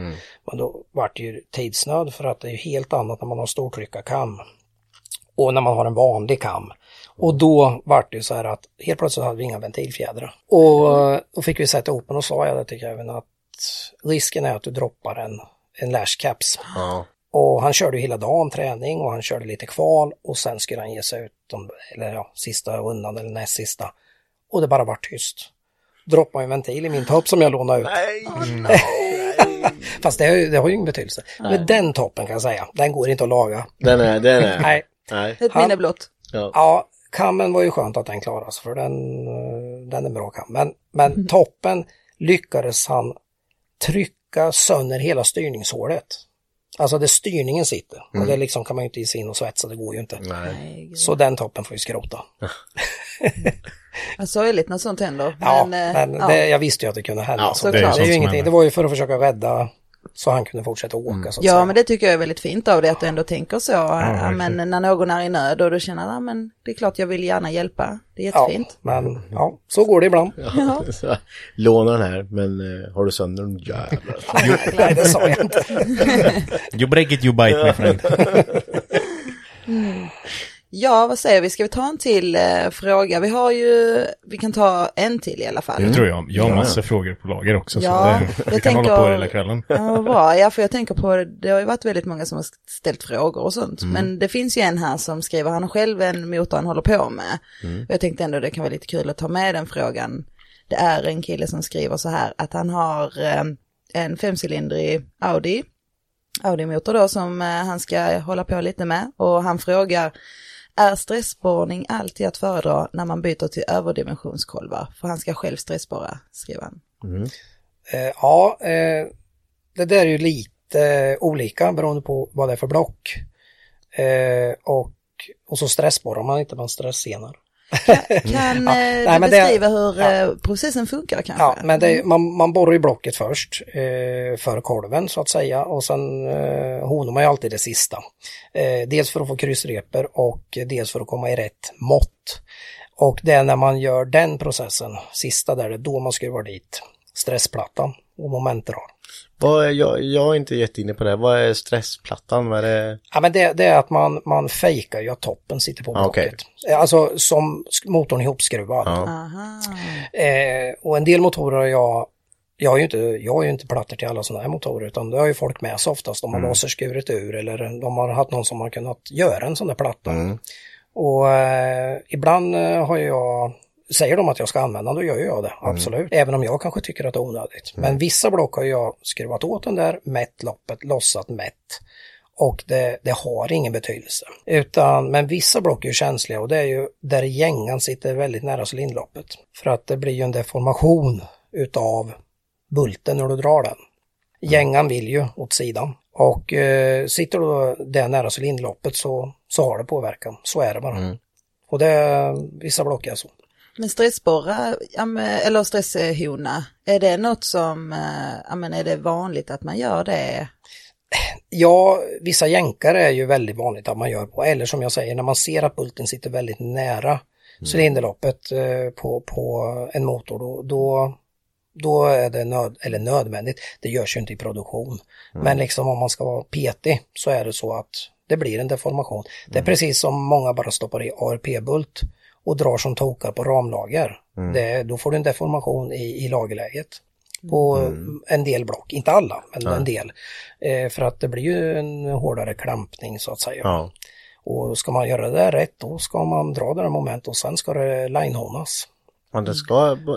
Ja. Egentligen är det så. Ja. Så liksom när man bygger BMW M50, jag drar ju inte dem fullt eh, med ARP-bull för att eh, det kan bli deformation i. För det, det är en väldig skillnad på om man säger en M10 ARP och en eh, vanlig M10 som sitter original. Så där får man vara lite vaksam för det är ju då man får lite skurna ramlager och sånt. Så då, då om man säger man drar, sätter dit en ARP på, eh, på ram, ramen där och man drar den. Så du menar, då, då kan man flytta lagerspelet liksom, det blir för tight liksom. Ja, eller det blir inte runt. Nej. Det är det som är problemet. Eh, så, och det, en del sitter ju gängan rätt långt ner i blocket ifrån. Då kanske det inte är lika känsligt, men det är likadant där om gängan sitter ganska grunt och du drar. Då blir det ju så att du lyfter ju materialet där. Det är precis samma sak som man med topplocksbultarna om man sitter nära cylindloppet. Ja, det är... Har du något exempel på en sån motor? Alltså bara mm, B230 har inte sånt som behöver Nej, jag tycker inte honas. de har några problem. Det, det, det sitter för långt ifrån. Det kan jag inte påstå. Det, det är ju vissa jänkare då som har alltså ganska stora borr. Eh, de eh, sitter ganska nära. Där kan det ha betydelse. Så när man lägger i överdimensionskolvar så är det inte egentligen något som är superviktigt då? Nej, det, det kan jag inte på. Sen är det aldrig någon nackdel att fejka, eh, vad ska man säga, Men borde räcka att bara hona vanligt eller? ja det gör det ju i nio fall av tio i alla Ja, fall.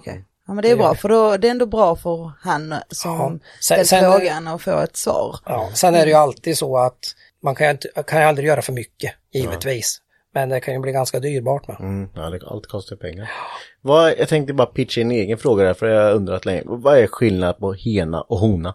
Ja, det, det vet man egentligen inte, men man brukar Nej. säga hening, alltså hena vevstakar och Ja. så egentligen, eh, jag har inget bra svar på det. Nej, det är samma sak typ eller? Ja, typ. Typ, ja, ja. det är bra. Det, då, för jag har alltid, ja men jag har alltid sagt, ja men jag ska hona cylindern liksom. Jag har aldrig sagt hena. Men vissa säger Vissa hena. säger det, ja. ja. Då blir jag så här. Ja. Nej, jag, jag, det, det har jag inget bra svar på Nej. faktiskt. Jag vet hur man gör. Ja. ja, det är bra, det är huvudsaken. Ja. Har du förresten något drömprojekt har vi fått som fråga här också. Eh, ja, det har man väl alltid. Eh, vissa drömprojekt kan man ju inte gen- genomföra. Men vilket det är är det då? Om, man, eh, får Nej, om men- det är en dröm då? Nej men eh, alltså jag gillar ju gamla racerbilar. Eh, och det är klart att ja, jag skulle ju gärna bygga en Lola T70 eller en Ford GT40 eller någonting. Men eh, däremot en AC Cobra har jag funderat starkt på. Den kanske ekonomiskt går att genomföra. Eh, för, för jag vill gärna ha bilen också som, som den ska vara. Ja. Inte raggarbilsfälgar och en skeva 350 i eller en Nej. LS. Nej. Utan bygger jag en AC Cobra då, då vill jag ha en, en Fia 65 289. Alltså Vad kanske inte exakt som den men, men däråt va. Mm. Eh, och det likadant GT40 kan man ju inte bygga fel. Alltså den, den ska ju vara, Ja, ja, ja. det blir ju som det blir. Men det, det är ju det är fruktansvärt dyra projekt så det, det får man nog Strunta man får alltid drömma. Ja, det får Ja, ja precis. Ja. precis. Men lite kul för att eh, alla har vi ju som olika alltså drömbilar eller projekt och sådär. Men det är kul också att höra någon som ändå känner att "Nej, men, jag vill ha det som är.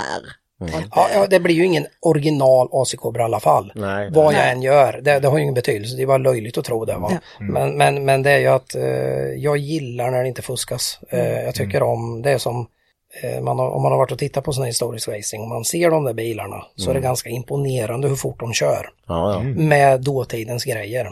Det, det är ganska sjukt egentligen.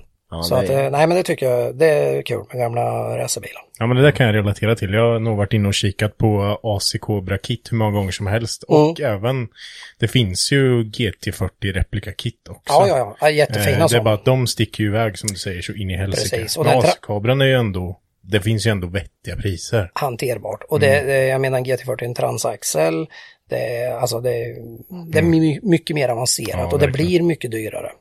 Sen, eh, ja, nej men det är ju det man skulle vilja ha. Alltså jag vill ju ha massor med bilar. Ja, jag tror man, eh, det finns ju många drömmar men det är kul att få höra i alla fall. Ja, verkligen. Men det bygger ju nytt garage nu, eller nytt garage, det bygger en ny eh, maskinshop typ. Eller det är väl garage och kommer ja, ja, verkstad blir det Verkstad. idag. Men den är, hur, hur stor är den? Den blir, han blir inte så mycket större då. Han blir eh, med lite kundingång och lite skit där så, så blir han 120 kvadrat. Ja, det är det dubbla ungefär va? Ja. Ja, det är ändå bra ju. Ja, ja det är det. Men, men tanken är ju att det ska vara lite lyfthjälpmedel. Eh, för det är jävligt tråkigt att konka på block. Det får ju vänta till ja, någon kommer hem, jag på att säga, ibland. Ja, Eh, och sen ska det bli lite mer organiserat. Alltså att man, jag kommer ha, jag har köpt ett nytt borrverk med för att vara motorblock. Eh, det inte packat upp ens, för för det stod på mitt andra jobb. För jag får ju inte plats. Eh, så den ska in och jämte det så ska det ju stå honningsmaskin. Och sen ett hörne, då kommer det bli Miran och Serdi-maskin som jag håller på med topplock. För vissa saker använder man samma grejer, tolkar och sånt använder man ju samma. Eh, ja men så det blir bättre flöde. Men den eh, verkstaden du håller på att renovera upp nu, det är väl en gammal mack eller? Ja, det, det, ja Eller? den har tillhört macken hemma och jag bor granne med den så Jaha, det var det ju ju nära bra. Nära och bra ja. Ja, jättebra. Men det, det var ju ett riktigt ruckel. Men det visste jag ju, men det är ju inte så lätt med lokaler. Så jag och mina grabbar har eh, lagt några timmar där, det kan jag säga. Ja, några timmar. Man, man ser ju lite, uppdaterar lite ibland där och det är ju, Ja. det är ju, det är ju totalrenoverat nästan. Ja, ja, det, är- Ja. det är ju bara stålbalkarna Ja. nästan kvar och putsade, eller stenarna som var mellan väggarna. Resten är ju bytt alltså. Ja, Delar är- du och grabbarna intresse då också eller? Ja, de håller på med bilar bägge två, så det, det byggs eh, hela tiden. Hur gamla är de då? Eh, Viktor han är 23 och William han är 20 nu. Okej, han är lika gammal som mig. Ja. Ja, nej men så, Mm, nej men Viktor han kör ju, han kör BMW och William han kör ju Volvo. Och det kör lite olika. Viktor ska, han åker mest på strippen och den andra här han ska eh, köra time attack. Okej. Mm. Det. Spännande. Men blir det mycket så här man har eh, söner med samma intresse? Blir det, "Va, farsan, det här måste du, det här måste ihop, kan du hjälpa mig med det här liksom? Eller klarar de mycket, eller har de bör- börjat Nej. få kunskap och göra mycket själv nu? Ja, de klarar mycket själva. Ja. Eh, sen är det ju vissa saker då som Ja. man får hjälpa till med. Men eh, det mesta gör de själva. Ja, det är klart. Och sen måste de ju, jag menar det var ju ingen som visade mig, Nej. utan jag tänker, de får ju hållas. Och sen om det är någonting som är jävligt dyrt så kan man ju, behöver man ju inte, men nu har det ju kommit så långt så nu behöver jag ju inte säga något längre. Nej. Ja, det, det, det är ju, jag tänker att det är jäkligt bra att eh, de här, för det, det har jag ju sagt förut med, om man kollar på de här, som nu när jag hade lite problem med min, eh, med min eh, traktorvev här, som till exempel när vi skulle, vi pratade lite om att man kunde ja, men lägga på, metallisera och ha sig. Och jag, jag ringde runt lite där. Och Jag, jag tänker när de här erfarenheterna försvinner, när det inte får gå i, i arv inom citationstecken, att det inte liksom för när det försvinner så försvinner ju jäkligt mycket erfarenhet av de här gamla liksom gubbarna som kunde, men det kan man göra så här, det går att göra så här. Ja, Men för går du till en, ja men säg någon, eh, vad ska man jämföra med? Det är ju svårt men sen du går till en, en vanlig verkstad då, bara "He- hej, här är den här vevaxeln, jag har eh, en spundet lager där, kan ni eh, hjälpa mig med den? Bara, Nej, köp en ny.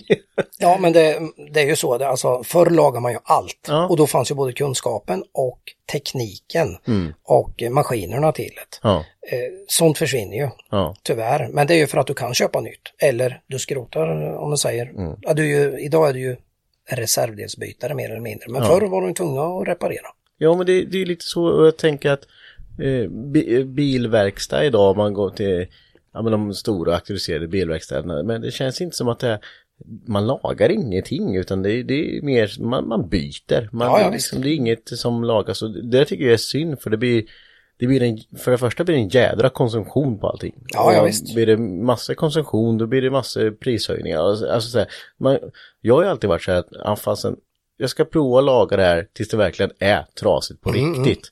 För då, då kan jag kasta det. Men innan dess så är det så här, ja, fasen, man kan stå och laga en liten spolarpump som kostar 90 spänn per biltimme. Men jag kan prova att laga den. Ja, har man tiden så gör man ju Ja, det. ja, precis. Jag minns när du gjorde det. Ja, jag har den där spolarpumpen. Ja. Du stod och svor en hel dag och sen så funkar den i två minuter, sen pajar den. Ja, men den funkar i två minuter. Det var Ja, det det, som var hela grejen. Ja, ja, visst. Nej, men eh, visst kommer det försvinna. Alltså, om man tittar på motorrenoveringsverkstäder så det är klart att eh, det har ju försvunnit otroligt mycket. Men man, man renoverar ju inte lika mycket som man gjorde förr. Eh, sen får man ju se i framtiden hur det blir med det då, med, med hållbarhetstänket och allting. Ska vi bara köpa nytt, nytt, nytt och skrota allting? Ja, men det, det är ju det som jag tycker är så fel. För jag menar, mycket av sakerna är ju inte ens trasigt. Det är Nej. slitet, men eh, det går ju alltid, jag menar som en vev då. Det går ju att slipa den Ja, ja, istället visst, för att byta visst. en ny. Så jag menar, om, man då ska hålla på så, så jag menar, det kommer ju bara trissa produktion och det kommer bli svindyrt allting. Ja, men, men eh, förr slipper man ju vevar i parti minut. Det fanns ju en motorrenoverare nästan i varenda stad, nästan. Ja. Men oljorna var dåliga, vevarna var ju inte behandlade. Idag är de ju liksom induktionshärdade eller Mm. kromade eller alltså belagda. Oljorna är fina, bla bla bla. Och det är klart att behovet är ju inte lika stort. Och sen försvinner den där kunskapen och maskinerna och allting. Det känns ju ändå nästan som att det kommer komma en dag när de motorerna som man uppskattar börjar, när man börjar se ännu större värde i dem. Det gör man redan för många motorer, men när man känner att nej, men nu måste man ju verkligen ta hand om dem, för de kommer inte tillverkas igen. Nej, Eh, och att jag hoppas verkligen att generationerna som kommer framöver, att de tar efter det. Ja. Och renoverar själva och sådär. Det är ju lite det som är roligt också. Men det har man ju sett lite på om man kollar, eh, alltså ta M50. När man backar 10 år, det var fast du, du kunde köpa en M50 för 1500 spänn. ja ja visst. Nu, nu kostar de ju pengar. Ja, det är ju 20, Eller mer 25 i alla fall. liksom, Ja. kan man ju få för den liksom. Det, det, det är ju liksom, De, de, är ju, alltså de har ju varit tacksamma att trimma. Och de är ju söndertrimmare. Alltså många har ju liksom, ja, kört sönder dem. ja, det har vi också pratat om lite i tidigare avsnitt om eh, att priserna på bilar och ja, men, vi kan ta japanska bilar överlag att liksom allt sticker och det blir så här, det blir fantasipriser. Det, är alltså, det, det är priser som man kanske inte ens, jag menar, så köpa ett topplock till en 2JZ, men, ja, jag ska ha 10 000. Men eh, han är ju, ett säte är helt söndersmält liksom. Men, Mm. det, är, nu ser man ju motorer ligga för 40 000 liksom. Och Ja. för några år sedan kunde man hitta för 10-15. Det var väl inte jättelänge sedan du la ut en 2JZ för 120 000. Precis. Så man bara... Japp. Ja men du vet, det är ju, det, det, på skrotarna, 2JZ, 75 000. Original. Klokt. Eller? Original ja. Ja. Och då säger ja, ja, det är ju inget, så här, testkört, nej. Men jag köper den. Så, Nej, det, det blir ju galet. ja, Eh, det, men det är klart, det är tillgång och efterfrågan givetvis. ja, så är det. det men vad, vad tror du då i framtiden? Blir det mycket el? Nej, jag tror inte det. Nej. Jag tror det är en liten fluga. Ja. Eh, Hoppas. nej, men alltså, jag vet inte vad jag ska säga om el. Eh, det är väl bra. men, men jag vet inte, alltså, det är väl inne i storstäderna då, Ja. skulle jag kunna säga. Eh, och inte ens vi i Sverige har ju några större problem med det. Det är inte så att jag går och hostar för jag åker till Stockholm eller till Göteborg. Nej, nej. Men, men eh, om man tittar ut i världen på vissa städer, de åker på sina tvåtaktsmopeder och skit. Det är som en jädra dimma. Där kan man tala om att man kanske skulle titta lite på det. Ja. Eh, sen beror det ju på avstånd. Jag menar, bodde man i stan, bara åker till stan, då går det bra med en elbil om du bara kan tanka på el så att säga. Ja. Men eh, nej, jag, jag tror inte på det där på sikt faktiskt. Ja, Jag tror lite samma som det. Jag har alltid sagt att ren elbil är bara en fluga för att nu, nu är det upphypat liksom. Jajamän. Men eh, jag tror lite mer på de här hybrid, elhybriderna. Absolut. De tror jag är ett bra komplement. Att Ja. man använder både eltekniken och förbränningsmotorn. Ja, det För då, då tappar du inte det här med att bilen, du kan sätta dig i bilen och åka till Spanien. Ja, ja visst, visst. Och sen kan det vara så då om, om vissa städer har, här måste du åka elbil, ja då slår du på elen. Den räcker oftast för att ta dig in i stadskärnan och kanske därifrån. Sen slår du på det andra och så åker du. Det är väl en jättebra grej för att då får du ju inte den koncentration av avgaser. Nej. Och sen finns det ju andra grejer. Alltså, jag, alltså allt är ju politik och pengar och skatter. Varför blandar man inte in mer sprit i bensin? Vi har väldigt fin sprit i Sverige alltså som tillverkar Eh, Norrköping har väl. Men jag menar, varför gör man inte det? Varför pratar man inte alternativa bränslen? För det fina med det är att vi behöver inte byta ut bilparken. Nej, Det är ju det som är grejen för att Ja. alla säger nu ska vi elbilar, elbilar, och ska vi skrota allt annat och producera massa elbilar. Det kan jag förstå för att vi behöver ju fortfarande ha jobb till folk och sånt. va, Men det blir ju en jävla konsumtion. Ja, men jag tänker om man säger, säger alla um, logistikfirmor, vad ska du byta ut då hela tradarparken? Och vad kostar en... alltså, Nej, det blir ju löjligt. Jag menar, frakter är för dyra nu. ja, alltså, Men du, har- du har ju komplement till båda typer av motorer. Du har ju sprit till bensinare och du har ju HVO till dieslarna. Ja, visst, visst. Så det är ju jättebra. Du Ja. börjar tillverka mer av det så är det ju... Ja, Ja, och det, då är det ju ett kretslopp med. Ja, exakt. Det är ju det va. Det vi tar ur backen, det ska vi ta så lite som möjligt utav va. Men, men liksom göra av restprodukter då. Eh, det är ju jättebra. Men det är svårt att belägga det med skatt. ja, Om vi säger så då. Ja, och ändå nu jag med E85, vad händer med den? Är ju på väg att fasas ut liksom. Det fattar inte jag. Nej, den är ju på väg bort liksom. Men du kan ju åka till, det är hur många mackar i stan som är E85? Det är, du kan räkna på en hand i alla fall. ja, Ja, hemma har vi ju bara en mack, men den har ju E85 än så länge som tur är. Nej, det, det är konstigt rätt. Men, men, men det, är- det är likadant det, det, det, är liksom, det är politik och de styr ju det där alltså. Det är ju bara så. Men nu när vi pratar lite om sprit, har nämnt det, om sprit. Alltså ser man, om, om, du, om, du, om du kör till exempel en, eh, kör långlopp då. En går på bensin och en går på sprit. Kan man se skillnad i motorerna? Eller det, Nej, inte om man är bra gjord. nej. Här, Jag kan inte se någon skillnad. Jag menar, grabben han åkte ju sprit första BMW-motorn. Då åkte han ju hela sommaren. Eh, Jag vet inte hur många, han drog mängder av mil och gasade redigt. Sen eh, hade vi isär den för då skulle vi bara sätta smitt. För det var ju bara H-profil i den. Då hade vi liksom fixat cylinderlopp, vi hade bytt ringar, balanserat, gjort lite sådana saker. Eh, inget märkvärdigt. Och den, han körde ju med 507 hjulhäst tror jag i tonusbänk. Hela sommaren på sprit. Och ja, han var inte snäll. När vi plockade isär den, då såg den ut som ni satt ihop den. Det är inte en repa, ingenting. Och sen, så han sålde ju korvarna. Sen behöll han ju stakarna då och sen köpte vi smidda bara och sen gjorde de lite mer då. Eh, då åkte han ju på sprit givetvis på den nästa motor med. Eh, den tror jag han, kan man nu 713 häst eller någonting ur den tror jag hos Tony. Eh, körde ju där med hela sommaren, körde på strippen och körde överallt. Körde rätt mycket. Sen körde han ju i höstas på strippen, då körde han ju av en stake. Ja. För de, alltså det var en no-name H-profil. De klarade inte effekten helt enkelt. Och så hade han kört en hel sommar innan med. Ja. Så då sköt han ju sönder hela blocket och det då. Men vev och topp och allt klarade sig. Så vi eh, borrade nytt och fixade till. Men det var likadant med den motorn. Jag har kolvarna står hemma, fem stycken, eller han har det. Det syns inte. Men är det, många snackar ju om med E85-motorerna att man, ja var femte tank ska du köra bensin för det, så att det blir uppsmort och det är ingen, det är Nej, ingen det tror inte ett skit på. Antingen, som- det är ju som att ta ur eh, olja då. Ja. Och var femte gång du är ute och åker så pumpar du i lite olja med oljekanna. Ja. Så är det ju inte. Nej, nej, Utan eh, antingen kör du ju eh, tillsats. Jag har åkt sån flexifuelbil Mm. i, hade vi nog i fyra eller fem år. Gått 3000 tror jag när vi köpte den och 14 tror jag den har gått när vi sålde den. Mm. Från mars till oktober i 85. Mm. Fast med tillsats i då. Eh, för det ska smörja och allting. Och sen kör du ju bensin och det har ju med kondensen att göra. Mm. För på vintern är det ju träligt om det fryser. Aldrig ett fel på den bilen. Aldrig ett fel. Nej, jag tycker det är lite kul när folk eh, ändå pratar om det där. För jag menar, Saab var jävligt tidigt med biopower där också. Ja.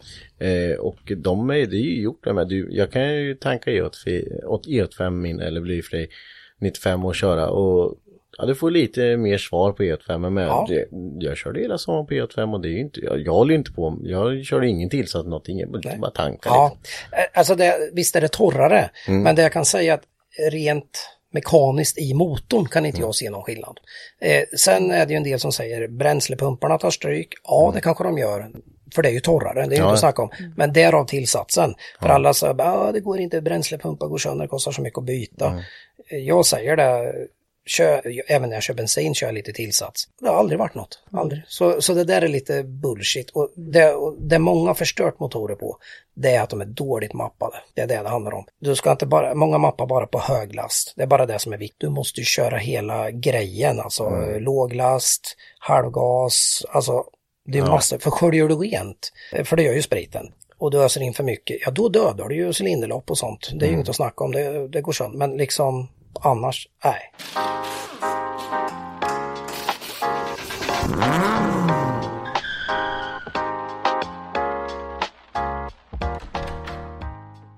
Ja, ja, det, det är kul. Där. Jag tänkte Mackan, hade du några roliga frågor? Ja, men vi kommer ju till det här. Ja. Vi är tillbaka på det här nu. Din programpunkt? Min programpunkt. Ja. Mackans fem Det snabba som som, alla- oftast är lite olika. Det är inte alltid fem. Nej. Det kan vara fler, det Ja. kan vara mindre. Det, det handlar så här. Du, eh, det, det är bara så här. Det kan vara lite luddiga frågor. Det kan vara så här självklara. Det är bara ta det som det alternativet som känns bäst. Direkt, snabbt. Ja. Och sen så snackar vi bara Det- lite om det efteråt. Det är inte säkert jag tycker så ens. Men... Nej, nej, nej, nej det, det, är inget, det är inga påståenden, utan Nej. det är bara två saker typ. Eh, så att, men vi, vi kör igång direkt bara. Så Mm. går det snabbt och sen så svarar så fort du kan egentligen. Så, eh, nej men vi kör. Bara rätt Ja. upp och ner. Okej. Rally eller racing? Racing, B230 eller B20? Det var svårt. Eh, B20 är ju roligt. Rockklassiker eller Rix FM? Rockklassiker, Svarven eller fräsen? Svarven, Biltema eller Jula? det var svårt. Jag är oftare på Biltema, så säger vi. Favoritverktyget? Ta det första som ploppar upp i huvudet bara. Eh, nej, men vad, vad ska jag säga om det då? Eh, sätesfräsen. Ja, gött. ja, men det var bra. Det, det var dem. Så det vart rally eller racing, då vart det racing. Ja, det är det jag håller på med. Ja. Jag, jag har aldrig kört rally, men jag, jag har åkt med faktiskt. Eh, en, en, eh, riktigt bra chaufför. Och det går fort. Ja, det var ju som vi snackade om. Det, är ju, det finns ju inte mycket till avåkningszoner. Nej, nej, men det var jävligt kul. Men Mm. jag kände mig ganska trygg ändå, men fy satan kan jag Ja, säga. man får hålla i sig. Vägen blir lite smalare. Det här var ju en, eh, eh, jag kan säga jag åkte med Damberg från Motala och han är ju ganska duktig chaufför. Och eh, jag hjälpte dem med motorn i den 940. Och då hade han ju en sån här sponsor då. Och då fick jag åka med honom. Och eh, ja, det gick fort. Och det var en, en sån gärdsväg så det var gräs i mitten. Ah. Och han körde med folk fram och tillbaks för det ju rätt många som var med där då. Och jättebra arrangerat med mat och kanonväder mitt ute i skogen. Och sen eh, när han kört rätt många, det gick ju fortare och fortare. Det var en sträcka i skogen, sen vände han och sen tillbaka. Och sen hade vi serviceplats, det var två bilar var det. Och sen sa, stannade han precis för mig. Nu hoppar du in för nu ska vi sätta på nya däck. Och han har ju bränt de där däcken, Ja. för det går ju lite fortare. Och eh, ja, vad fan, på med hjälm och grejer och in där i bilen och så byter de däck. Och sen ut, vet du. Nej, satan i gatan säger jag. Och, och så trodde jag aldrig skulle gå att bromsa så pass på grus. Nej. Du vet, man hänger i bältet. Man tror att liksom, det bara kanar, det bara, ja, det var helt sjukt alltså. Fasen. Och eh, han hade ju säcklådor när han bara matade på, vet du. Och då vet man ju liksom när man får i femman och det börjar varva ur, vet du, en 7,5 tusen, då går det ganska fort. Ja, det går ganska fort. Och där var den knäppa. Och jag tänkte, jag trodde inte vi skulle landa någon gång, det var säkert inte jätte, men du Nej. vet, det går så jädra fort alltså. Ja, Ja. det var en upplevelse. Vilken upplevelse ja, wow. Ja, det är fränt faktiskt. Och på B230 eller B20 så vart det B20. Ja, det är ju lite för att det är ju där man börjar skruva med när man Mm. var yngre och, och Ja men då har man ju haft en 2,1 liters B20 och i min Amazon hade jag det. Körde ju rätt mycket med den. Och det är ju kul och drömmen är ju, jag har ju massor B20-delar att spara på mig då. Och det är ju bygga kanske en 2.3 eller en 2.5 B20 framöver. Eh, vilket jag antagligen aldrig kommer få tid med men jag samlar lite bitar. Så därför fastnar man för den. Mm. Jag vet, vi, vi har ju snackat om det här hur många gånger som helst att vi, vi skulle ju båda vilja trimma en B20 någon gång. Ja, så Med riktigt. En riktigt god motor alltså. Ja de går bra. Rockklassiker vart det, inte Rix FM. Är det det som är på radion hemma? Ja, det är det faktiskt. Bra klassiker. Nu är ju jag så gammal så det blir rockklassiker kanske. nej, men, nej, men det passar. Eller jag lyssnar väl på det mesta, men, men ja, det Det är bra att tycker jag veta, mer om. veta vad som är på i verkstaden. Ja. Liksom. Mm. Ja, det måste man veta. Svarven eller fräsen? Vad, jag- nu kommer jag inte ens ihåg vad sa. Svarven. Svarv. Svarven vart det. Henke tog fräsen när, jag- när du fick det här. Ja, det var ju, ja. Ja. Ja, men alltså fräs är ju alltid krångligare. Jag gör ju förresten mängder. Men eh, det är alltid träligare. Svarven är smidigare och snabbare och liksom det, man gör mycket snabbjobb i svarven. Mm. Enkelt att spänna upp det bara. Så. Ja, det är därför. Biltema eller Jula? Det vart det Biltema. Det var lite svårt kändes det som. Ja, det kändes som Ja, det Ju- lite. Jula har ju många bra grejer. De har ju en del märkesgrejer till och med. Ja. Sen är man ju mest kanske på Biltema man ska ha, ja men vad köper man där? Ja, något verktyg. Kan vara något i trädgården istället. Ja. Trädgårdsslang eller någonting eller ja men Mycket impulsköp ibland man går in där och känner att det här behöver. Ja, men det, det, och vi bor ju närmast Motala. Då blir det ju, det finns ju Ja. liksom Biltema. Det är sant. Så Jo, det, det- det är klart. Ja, så är det. Och favoritverktyget? Vart din fräs? Ja, sätesfräsen. Ja, men det blir ju så för där har man ju stått mycket. Alltså nu gör jag så mycket annat, men, men liksom den har man använt kan jag säga. Den har du koll på. Ja, En, en, jobba. en annan fick nöja sig med mutterknacken. ja. Det, är inget, det är inget dåligt verktyg det heller. Bara den är batteridriven. Ja. Så man slipper slangen. Hon slipper slangen. ja, det, det, det är skoj det där, eh, de här frågorna tycker jag. Det blir... eh, Ja, man men blir det så ska, det ska gå stressad. fort. Ja, men det är det som är meningen. Man ska bli lite stressad. Ja, då blir man så i, i, i. Mm, så är det. Säger man emot sig själv ibland. Eller så har man båda grejerna och frågar den eller den, så, bara, båda? Ja, precis. Ja, varför inte? Ja, ja, då har vi gått igenom en hel del frågor och eh, fått massor eh, bra svar tycker jag. Eh, Jag med. Ja, vad- bra. Mm. Vi, eh, vi har ju en, lite, en sista fråga och då tänker jag så här. Om man står hemma i sitt garage, man, eh, man har ändå lite basic knowledge liksom, man ska skruva upp motor, men om vi tar från allt ligger i delar, vad bör man tänka på när man sätter ihop det här nu? Vad ska man säga? Om, om man gör en bottendel då. Ja, kolla på veven, att, det- att det liksom inte är repigt. Dra med nageln, känn att det inte reper. Hur såg lagren ut som satt i? Eh, var de slitna? Eh, alltså var de rödfärgade eller var de bara lite blanka? Är de rödfärgade då har det ju varit ganska stort lagerspel och skit i olja. Mm. Eh, är de liksom lite blanka och normalslitna då brukar det inte vara några större problem. Eh, ja, sen kan man ju lägga i veven om man, alltså när man skruvar ihop. Lägg i eh, främre och bakre ramlagret. Snurra veven och det bästa är om man har en indikatorklocka, eh, sätta den på mittersta tappen och snurra och se om veven kastar till exempel. smart. Eh, det behöver man ju liksom inte vara så mätkunnig för att Nej, förstå. nej. För att indikatorklockan är lätt att förstå. Eh, nu är ju vissa motorer mer känsliga på det. Volvo B230 är ju aldrig krokig knappt. Aldrig, för den gjutenvevan är väldigt stum. Eh, Tar man en, en BMW med en smidvev, en sexa till exempel, då är det ju lättare att den kastar. Och det har jag märkt en del på 3 liters vevarna. Att de ofta är lite krokiga, då får man rikta dem. Men det behöver vi inte gå in på hur man gör. Men, eh, nej, men, men liksom det är en basic grej. Rent och snyggt.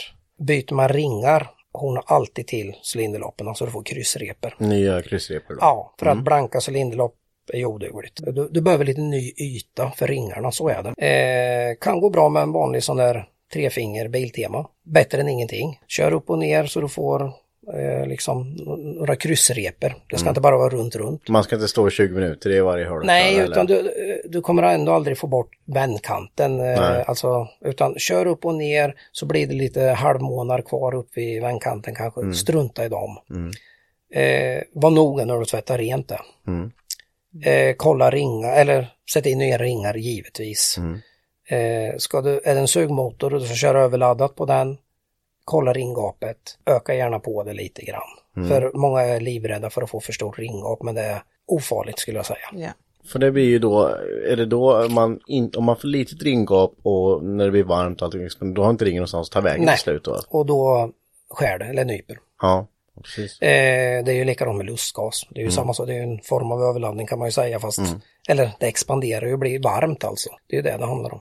Precis. Så det har ju, ja men det är det, rent och snyggt, ja småsaker. Kolla axialspelet är på veven. Det ska ligga kanske mellan 400 och runt en tiondel, inte mer än en tiondel kanske. Generellt olika på olika motorer givetvis. Tvätta ur alla oljekanaler. Om man tar då, som jag sa, axialspelet där, om man har för mycket då, till exempel, och du har bytt, du har nya axiallager och allting, och du fortfarande har mycket, är det veven som är slut då, eller är det, Nej, det är veven. det är veven som Ja, är slut? och- om du har satt in nya lager så att säga, Ja. det är ju veven. Eh, och det, det kan ju bero på många saker, men, men antingen har du haft ett uttrampningslager som har legat på, eller också kan du ha alltså en, en stark tryckplatta, du står mycket på tomgång och håller kopplingen nere. Och har man då en, eh, ja men man sätter dit en, en kraftig tryckplatta på en, på en motor och då när man kommer fram till stopptecknet, då, då är det mitt tips, koppla ur. Ja, Stå där och vänta till det blir klart, koppla, lägga i ettan och Ja. iväg. Stå inte med kopplingen nere. För Nej. att från början är ju inte den motorn gjord för Nej. en så stark tryckplatta.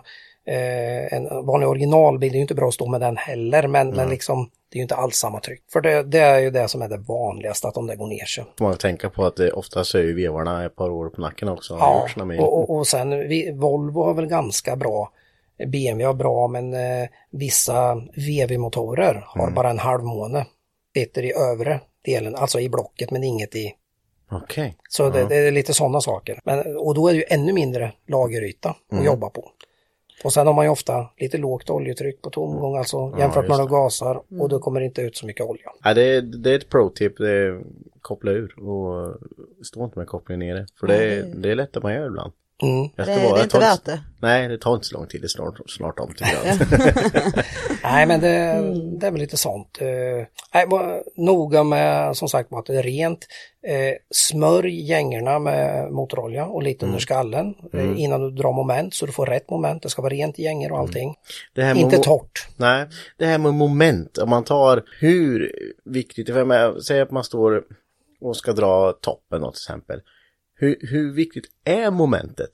Jag menar, skulle det, säg, säg, nu leker vi bara med tanken, jag har inte gjort det här, men jag tänker att någon har gjort det. En kompis. Ja, Nej. jag känner en kompis som har gjort det. här. Nej men säg att du skulle ta och dra toppen med knacken bara, bra, bra. Ja. Vad, momentet är, jag förstår ju för att det ska bli ett jämnt tryck över hela, men, Ja. men, i, i praktiken sk- skulle det funka kanske att bara dra med knacken med? Ja, skulle det säkert på, på någon motor, men Ja. eh, någon gång blir det problem. Ja, För att eh, i och för sig med knacken så skulle du dra ungefär lika hårt. För att Mm. det som händer om man drar olika är ju att du belastar en bult mer än en annan. mm, mm. Så att eh, ja, det, det är ju inte rätt. nej, nej. Vi, vi tar bort mutterknacken. Ja. Ja, ja, bort.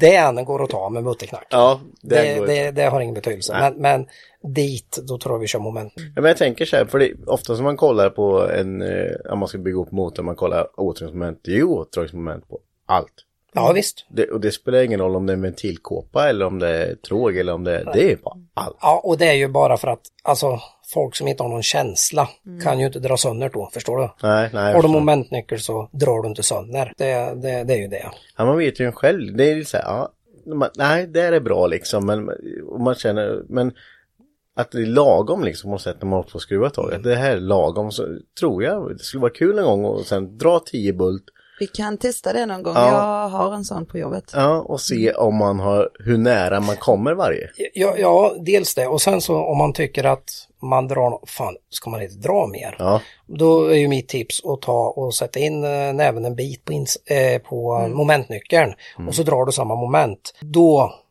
får du ta i så pass mycket mer. Men om du drar en lite halvklen vevstocksbult då, det, det, är liksom, det är ju ingenting. Men om du stoppar in eh, handen på halva armen och så drar du, då blir det ju lite motstånd. Ja. Och då förstår du att då har du dratt rätt bra ändå. ja det är sant. Det är, man tänker man får Är det liksom inte- hävarmen som ger mycket? Ja, är det. man, tänker, man står och bara, det här.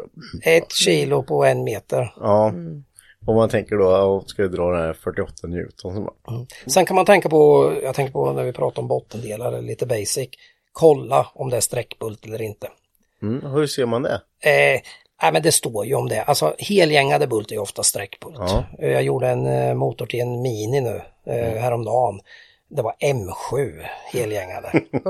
och jag vet ju vad en M7 ska dras. Den ska dras 17 Newtonmeter om man säger. Och den skulle dras först 10 Newton, sen 15 och sen 130 grader. De har ju redan dratt över sträckgränsen tycker man ju då. Men, men så är det. Men det är ju för den sträckbult. Han sträcker och sträcker och är helgängad. Och de måste man ju slänga. Så eh, kolla alltid eh, det. Och sen om man bygger en, egentligen ska man ju alltid byta vevstaksbult. De enda bultarna jag inte byter det är ARP eh, i vevstag. Om de inte vet med sig att de har gjort ett riktigt jädra övervarv någon gång. För att då kan man ju sträcka dem med. Men då ska man ju även kolla över staken givetvis. Men, men, men kolla så det inte är sträckbult för de, de ska bytas. Framförallt på vevstakar då för det är en jädrigt utsatt del. Ja det, det är kul att säga för det har jag faktiskt inte heller. Så vevstakar, alltså toppen har man ju tänkt det. det Ja det kan man byta med vevstakarna. Nej, De, eh, om du tänker i den takten där han vänder i överlappstakten, Ja. då vill ju kolven rakt upp. Det är bara bultarna som håller emot. Det är ju ingen, det är ju ingen kompression då eller förbränning. Nej, nej precis. Utan eh, varvar du en sån motor 7,5-8 tusen, då kan du tänka vad de bultarna utsätts för. Ja, det, det, ja jo, när man säger det så så är det klart det blir lite påfrestning. Så att det, det ska man tänka på. Men, och sen när man, eh, om man slår ihop, när man sätter ihop bottendelen där då, man, kan man kolla lite eh, kolvbultsglapp där man håller.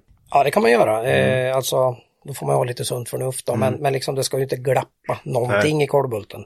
Så att säga. Eh, Om jag byter bussningar på en stake, då kanske jag lägger dem på en hundring, kanske max två hundringar, beror lite på diameter. Så att eh, det är ju väldigt lite spel där. Ja. Men sen när de har gått ett tag så kan man ju vackla dem i sidled li lite. Va? Måttet kan vara rätt på mitten men när man har en till 200 delar i spel och det blir 300 delar, då är det ju liksom 30% till. Det blir ganska mycket tycker Så att, men, men liksom... Det så, ska, inte, det ska inte vara kännbart. eh, Nej, där. det ska inte vara Nej, kännbart nej.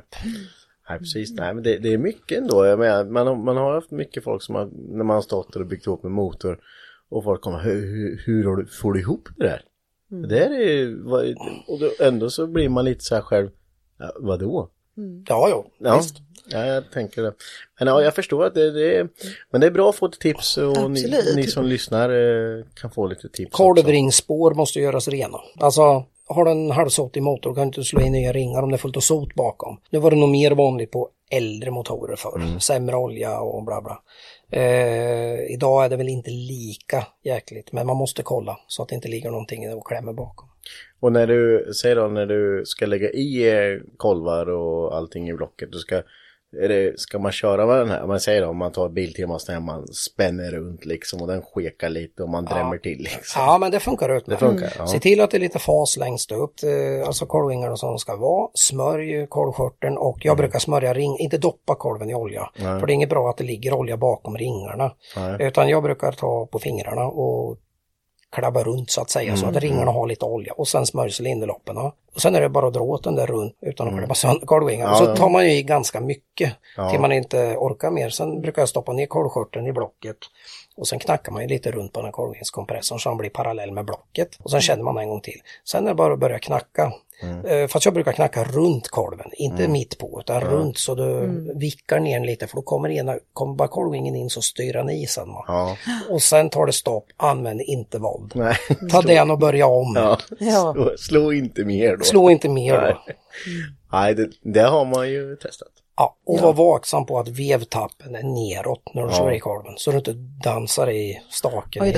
Nej, i det- veven. För då har du ju ett märke sen och, och sen är lagret kört. Ja, det finns mycket där. Man har ju gjort de där eh, misstagen där man bara, fasen, jo men det är nog bara för att det, det tar emot lite där. Så, Mm. bara, fasen. Det är lite, ja så. Man skickat till Den den. minin jag gjorde nu, det, alltså det är ju så jädra smått. Mm. Så var det en jävla lustig oljering. Den gick inte med kolvringskompressen. Eh, utan där fick jag svarva en kona för att få i. Det gick inte annars, fick göra en kona. Men jag tänker, det, det det finns ju kon, koner att köpa och det måste ju vara jäkligt smidigt. Men så tänker jag också att du som jobbar med det här, men, då ska du ju ha en jäkla massa Ja, koner. precis. Ja. Det, det, alltså, om man gör en motor, jag, jag har till 403 tum, Mm. alltså skeva Ford smålblock. Till exempel, det har jag, det har jag gjort en Kona, det var ju 30 år sedan jag gjorde den. Och den, den använder jag ju liksom till det. För det är mycket 030 borrade V8. Sen, eh, ja till Volvo har jag inte, men det har gått så bra att knacka i med den där. Ja. Men eh, man borde ha, men, men det är ju det bästa du kan ha. Alltså Kona är rätt verktyg egentligen. Så är det bara. Och du kan inte misslyckas. Nej, nej jag, ju men de kostar lite också. Ja, det gör de. Om man inte kan göra själv. Så. Och då tänker man på eh, jag som bygger alla möjliga motorer då. Eh, Fan, nu ska du få låsa in det där kassaskåpet. Nej, hörs, men det blir mängder. Alltså, det går inte att ha så mycket koner. Nej, nej, jag förstår det. Men om Ja, man får gå till eh, toppen då, för det har vi inte nämnt någonting om. Nej. Lite så här snabba tips. Ta det en, alltså aluminiumtopp, riktplana är jämnt. För det, alltså, Alltid. Då, vet- ja, då vet Ja. man ju att den är plan.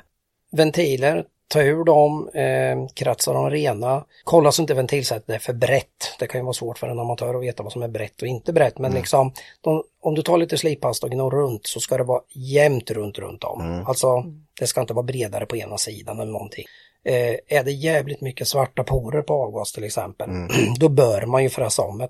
Slipa om ventilen, fräsa om sätet. Och det är inget du kan liksom, du, du kan liksom inte stå och gnugga in där tills det är... Nej, då blir ju, alltså kan kan du väl rent teoretiskt, men, men liksom det blir ju inte bra. Nej. Utan, eh, men många motorer är ju faktiskt ganska bra. Så liksom, det viktiga är att det blir grått runt om så han är tät. Det är ju nummer ett, annars är det inte att sätta ihop skiten. Eh, byt tätningar då, som man ska göra. Eh, känn att styrningen inte är allt för glappa. Smörj in ventilskaft, styrning när du har tvättat och gjort allt. Sätt tillbaks fjäder, underläggsbrickor och allting.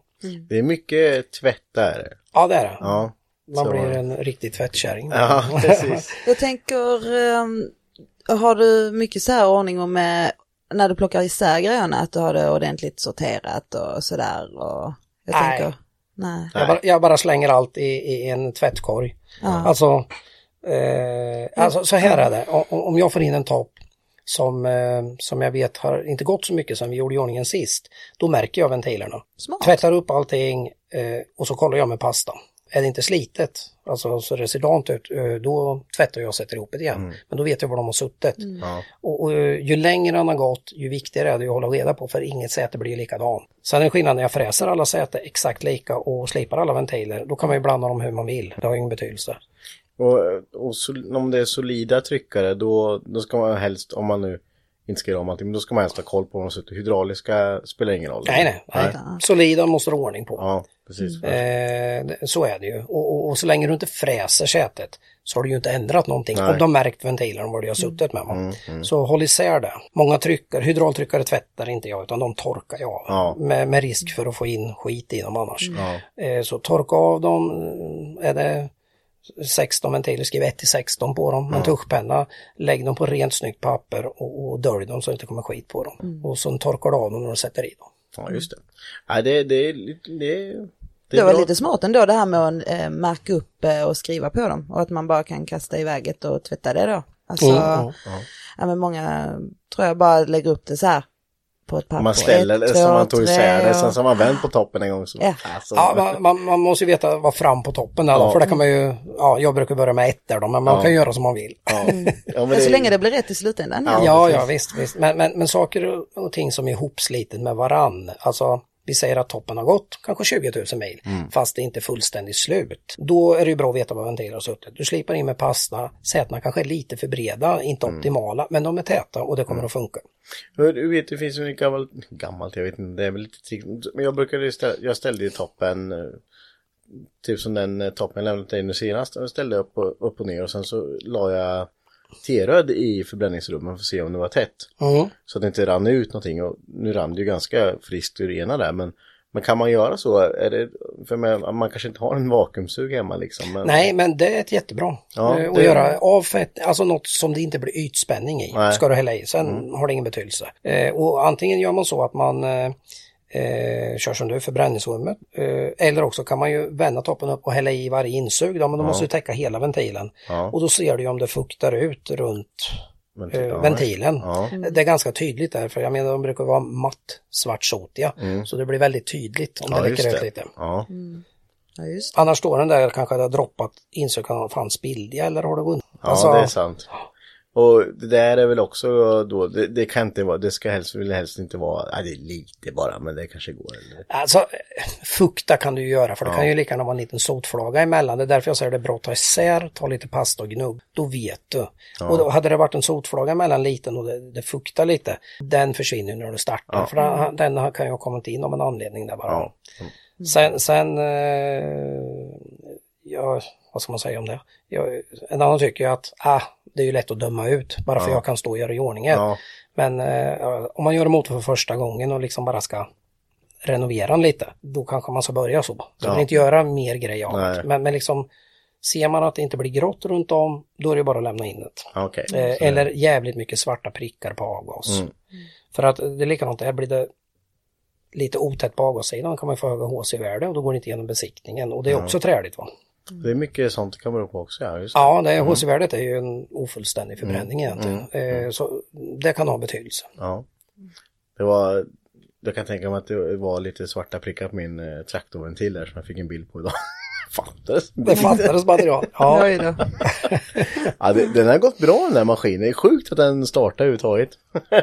Det, det är alltså så mycket traktortoppar som jag får in som liksom är man undrar hur det har fungerat. Ja.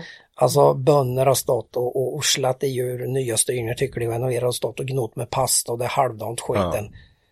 Och ändå har skiten fungerat. ja, det går ju ändå. Ja, sen, sen är det ju många, när man slår in styrning, för den, det hamnar ju aldrig i mitten, Nej. vad man än säger. Styrningen sprider ju om man säger, Mm. toleransmässigt.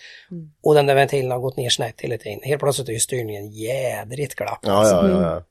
Ja. Men så gjorde man förr. Ja, och det funkar väl eh, en stund. Ja, det gör det. Ja. En stund går det. Ja. Vi, eh, det har varit långkörare det avsnittet. Kan inte jag få ställa en fråga till? Ja, okej då. En fråga bara. En fråga. Jag vill ha en fråga till. Ja. Är det någon motor du har pillat på som har varit riktigt snordyr? Alltså typ, jag tänker så här Lambo, Ferrari. Ja, Ferrari har vad gjort liksom- lite eh, toppar och sånt det.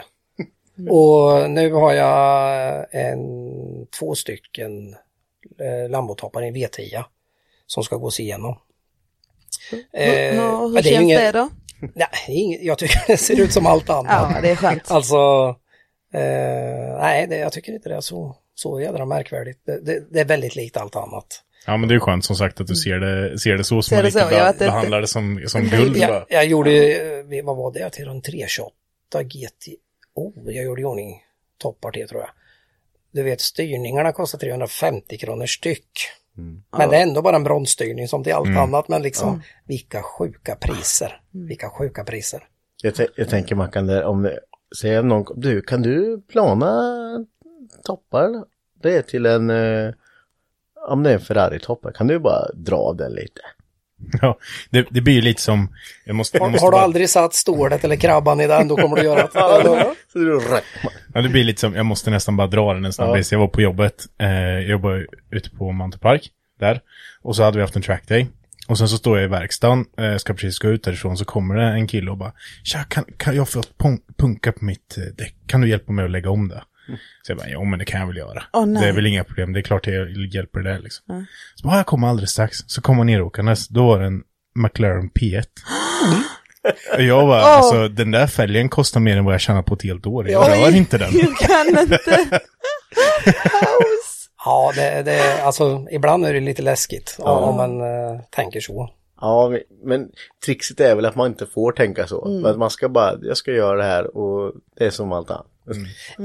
Och det är ju ganska, det är ju bara att delarna är äckligt dyra. Och sen Ja. kan det vara svårt att få ta, om man misslyckas med någonting och håller på med en jävligt udda motor, då är det ju inte så jävla roligt att misslyckas. För att Nej. det är ju inte bara att åka till skroten och hämta eh, kanske en ny motordel va. Det är ju, alltså borra vissa motorer känner ju jag att det är ju lite läskigt. Så är det ju bara för att jag kan inte bara skaffa ett nytt block. Nej. Jag måste ställa en motfråga, en sista fråga där. Har du misslyckats med något eh, sådär Så som ja. inte bara shit fast hur fan. Jo men jag, jag är ju mänsklig. Ja, ja, ja. ja. Nej men det har jag gjort. Men, men jag hade tur, alltså jag, på tal om borrning så borrade jag ett block fel. Eh, vad, vad det berodde på, jag, jag kan inte säga det än idag, Mm. Nej, men nej. det var för stort alltså. Ja. Som tur var var det en eh, Ford Pinto och det hade jag block stor. Ja. Åh, vilken Så, eh, tur. ja, och, och det var Ja. inget märkvärdigt utan det blocket som jag ställde undan, det kunde jag bara till nästa överdimension, men jag har ju redan tagit hem kolvar till den andra, till kunden. ja. Och liksom var tvungen att lösa, fast det är bara att tala om det är exakt likadant block. Är Mm. det problem får de ju komma tillbaka om det är någon spricka eller någonting, men liksom det hände det här och Ja. eh, men jag, jag har löst det. Ja. Det, det, det är lite kul där, för man det- tänker ju att eh, folk... Eh, jag brukar få den frågan i min bransch med liksom, har du gjort fel någon gång? Har du gjort något fel på någon tatuering? Då kan man ju inte säga, nej. Nej, ingen är ju tio, fullkomlig. år- under tio års tid har jag aldrig gjort ett fel. Ja, Det är nej. klart man har gjort fel. Sen, sen är det vissa, det är ju som jag säger, ett, ett block är ju svårt att göra mindre. Ja. Misslyckas man med att fräsa ett säte, eh, då går det ju faktiskt att byta sätesring. Alltså, det kan man alltid fixa. Ja. Men ett block kan ju vara jävligt svårt alltså. Ja, jag förstår det. Och det är ju, det är likadant, alltså om man ska, något som, en, eh, jag gjorde ju, jag gör ju en hel del GTR-vevar. Ja. Och det är ju nästan motbalanseringar på dem, eller motvikt med tungmetall då. När man sätter i värstingstakar och grejer, det blir, det blir så tungt. Då ska man sätta tungmetall och det är också sån här, jag tror kit kostar 100 000. Det är också så gött att börja borra i den där veven bara. Ja, och, det du bra. och det är ju stenhårt med det och så får köra med hårdmetallbrott och skiten ska pressa i den med presspassning och sen ska det där sitta kvar. Och du vet det. Ja, det är lite läskigt ibland, Ja, ja, men det ja. funkar. Ja, det, det är tur att någon kan göra det i alla fall känner jag. Jätteroligt att höra hur du har det i, i branschen. Ja, Ja, verkligen. Och vad du gör i verkstaden. Jätteroligt. ja vi eh, som sagt, eh, det har varit en långkörare och eh, det är ju alltid kul när vi har gäster att man kan eh, dra på lite längre avsnitt. Så eh, Ja, du har ju en tendens och tiden springer ju iväg då liksom. ja, absolut. Och det, det känner vi ju lite att det får den göra. För det, om man ska få med allting som är intressant så måste det bli längre avsnitt. Absolut. Så, eh, men eh, i alla fall här så tänker jag att vi Vi får tacka så jättemycket Peter för att du kom, tog dig tid och ville vara med i ett avsnitt här och berätta lite. Ja, tack för att jag fick komma hit. Hur, hur kontaktar man dig om man vill ha lite hjälp med motorer? Eh, ja, det, ja, mest är det på Facebook-delen där. Ta Messenger eller eh, mejla eller ring. Är det Peters motormekaniska eller PMM? Ja, Det, det går vilket som. Peters motormekaniska eller PMM, det, det brukar komma upp samma grejer. Vi lägger en länk helt enkelt. Vi lägger en jag. Jajamän, och hör av er till Peter om ni behöver hjälp med motorer. Så fixar han det. Han har faktiskt fixat min topp också. Ja, ja ett par av mig också. Ja, Han, han har gjort något åt oss alla. Ja, jag tror det. Absolut. jättekul. Nej, men eh, jättetack och eh, tack för att ni vill lyssna. Gå in och följ oss på Hypnotic Garage. På Facebook. Och Instagram. Och Instagram ligger ju under Garagehang. Ja, Understreck podcast. kanon. In och följ så hörs nästa vecka. Mm. Bra. Hej! Ja, Hej, hej, hej.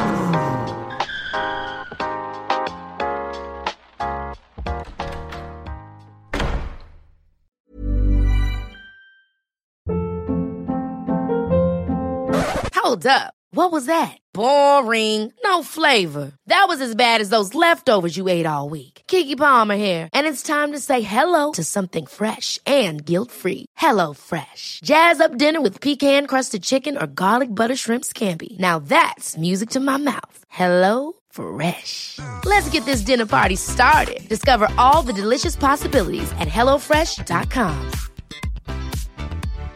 Hi, I'm Daniel, founder of Pretty Litter. Cats and cat owners deserve better than any old fashioned litter. That's why I teamed up with scientists and veterinarians to create Pretty Litter.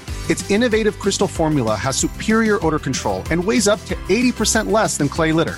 Pretty Litter even monitors health by changing colors to help detect early signs of potential illness. It's the world's smartest kitty litter. Go to prettylitter.com and use code ACAST for 20% off your first order and a free cat toy. Terms and conditions apply. See site for details. Even when we're on a budget, we still deserve nice things.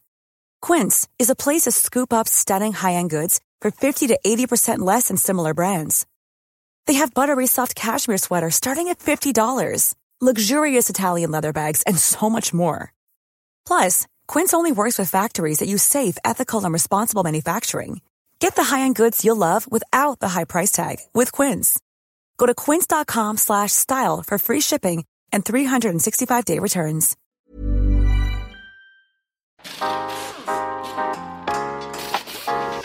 Mm-hmm.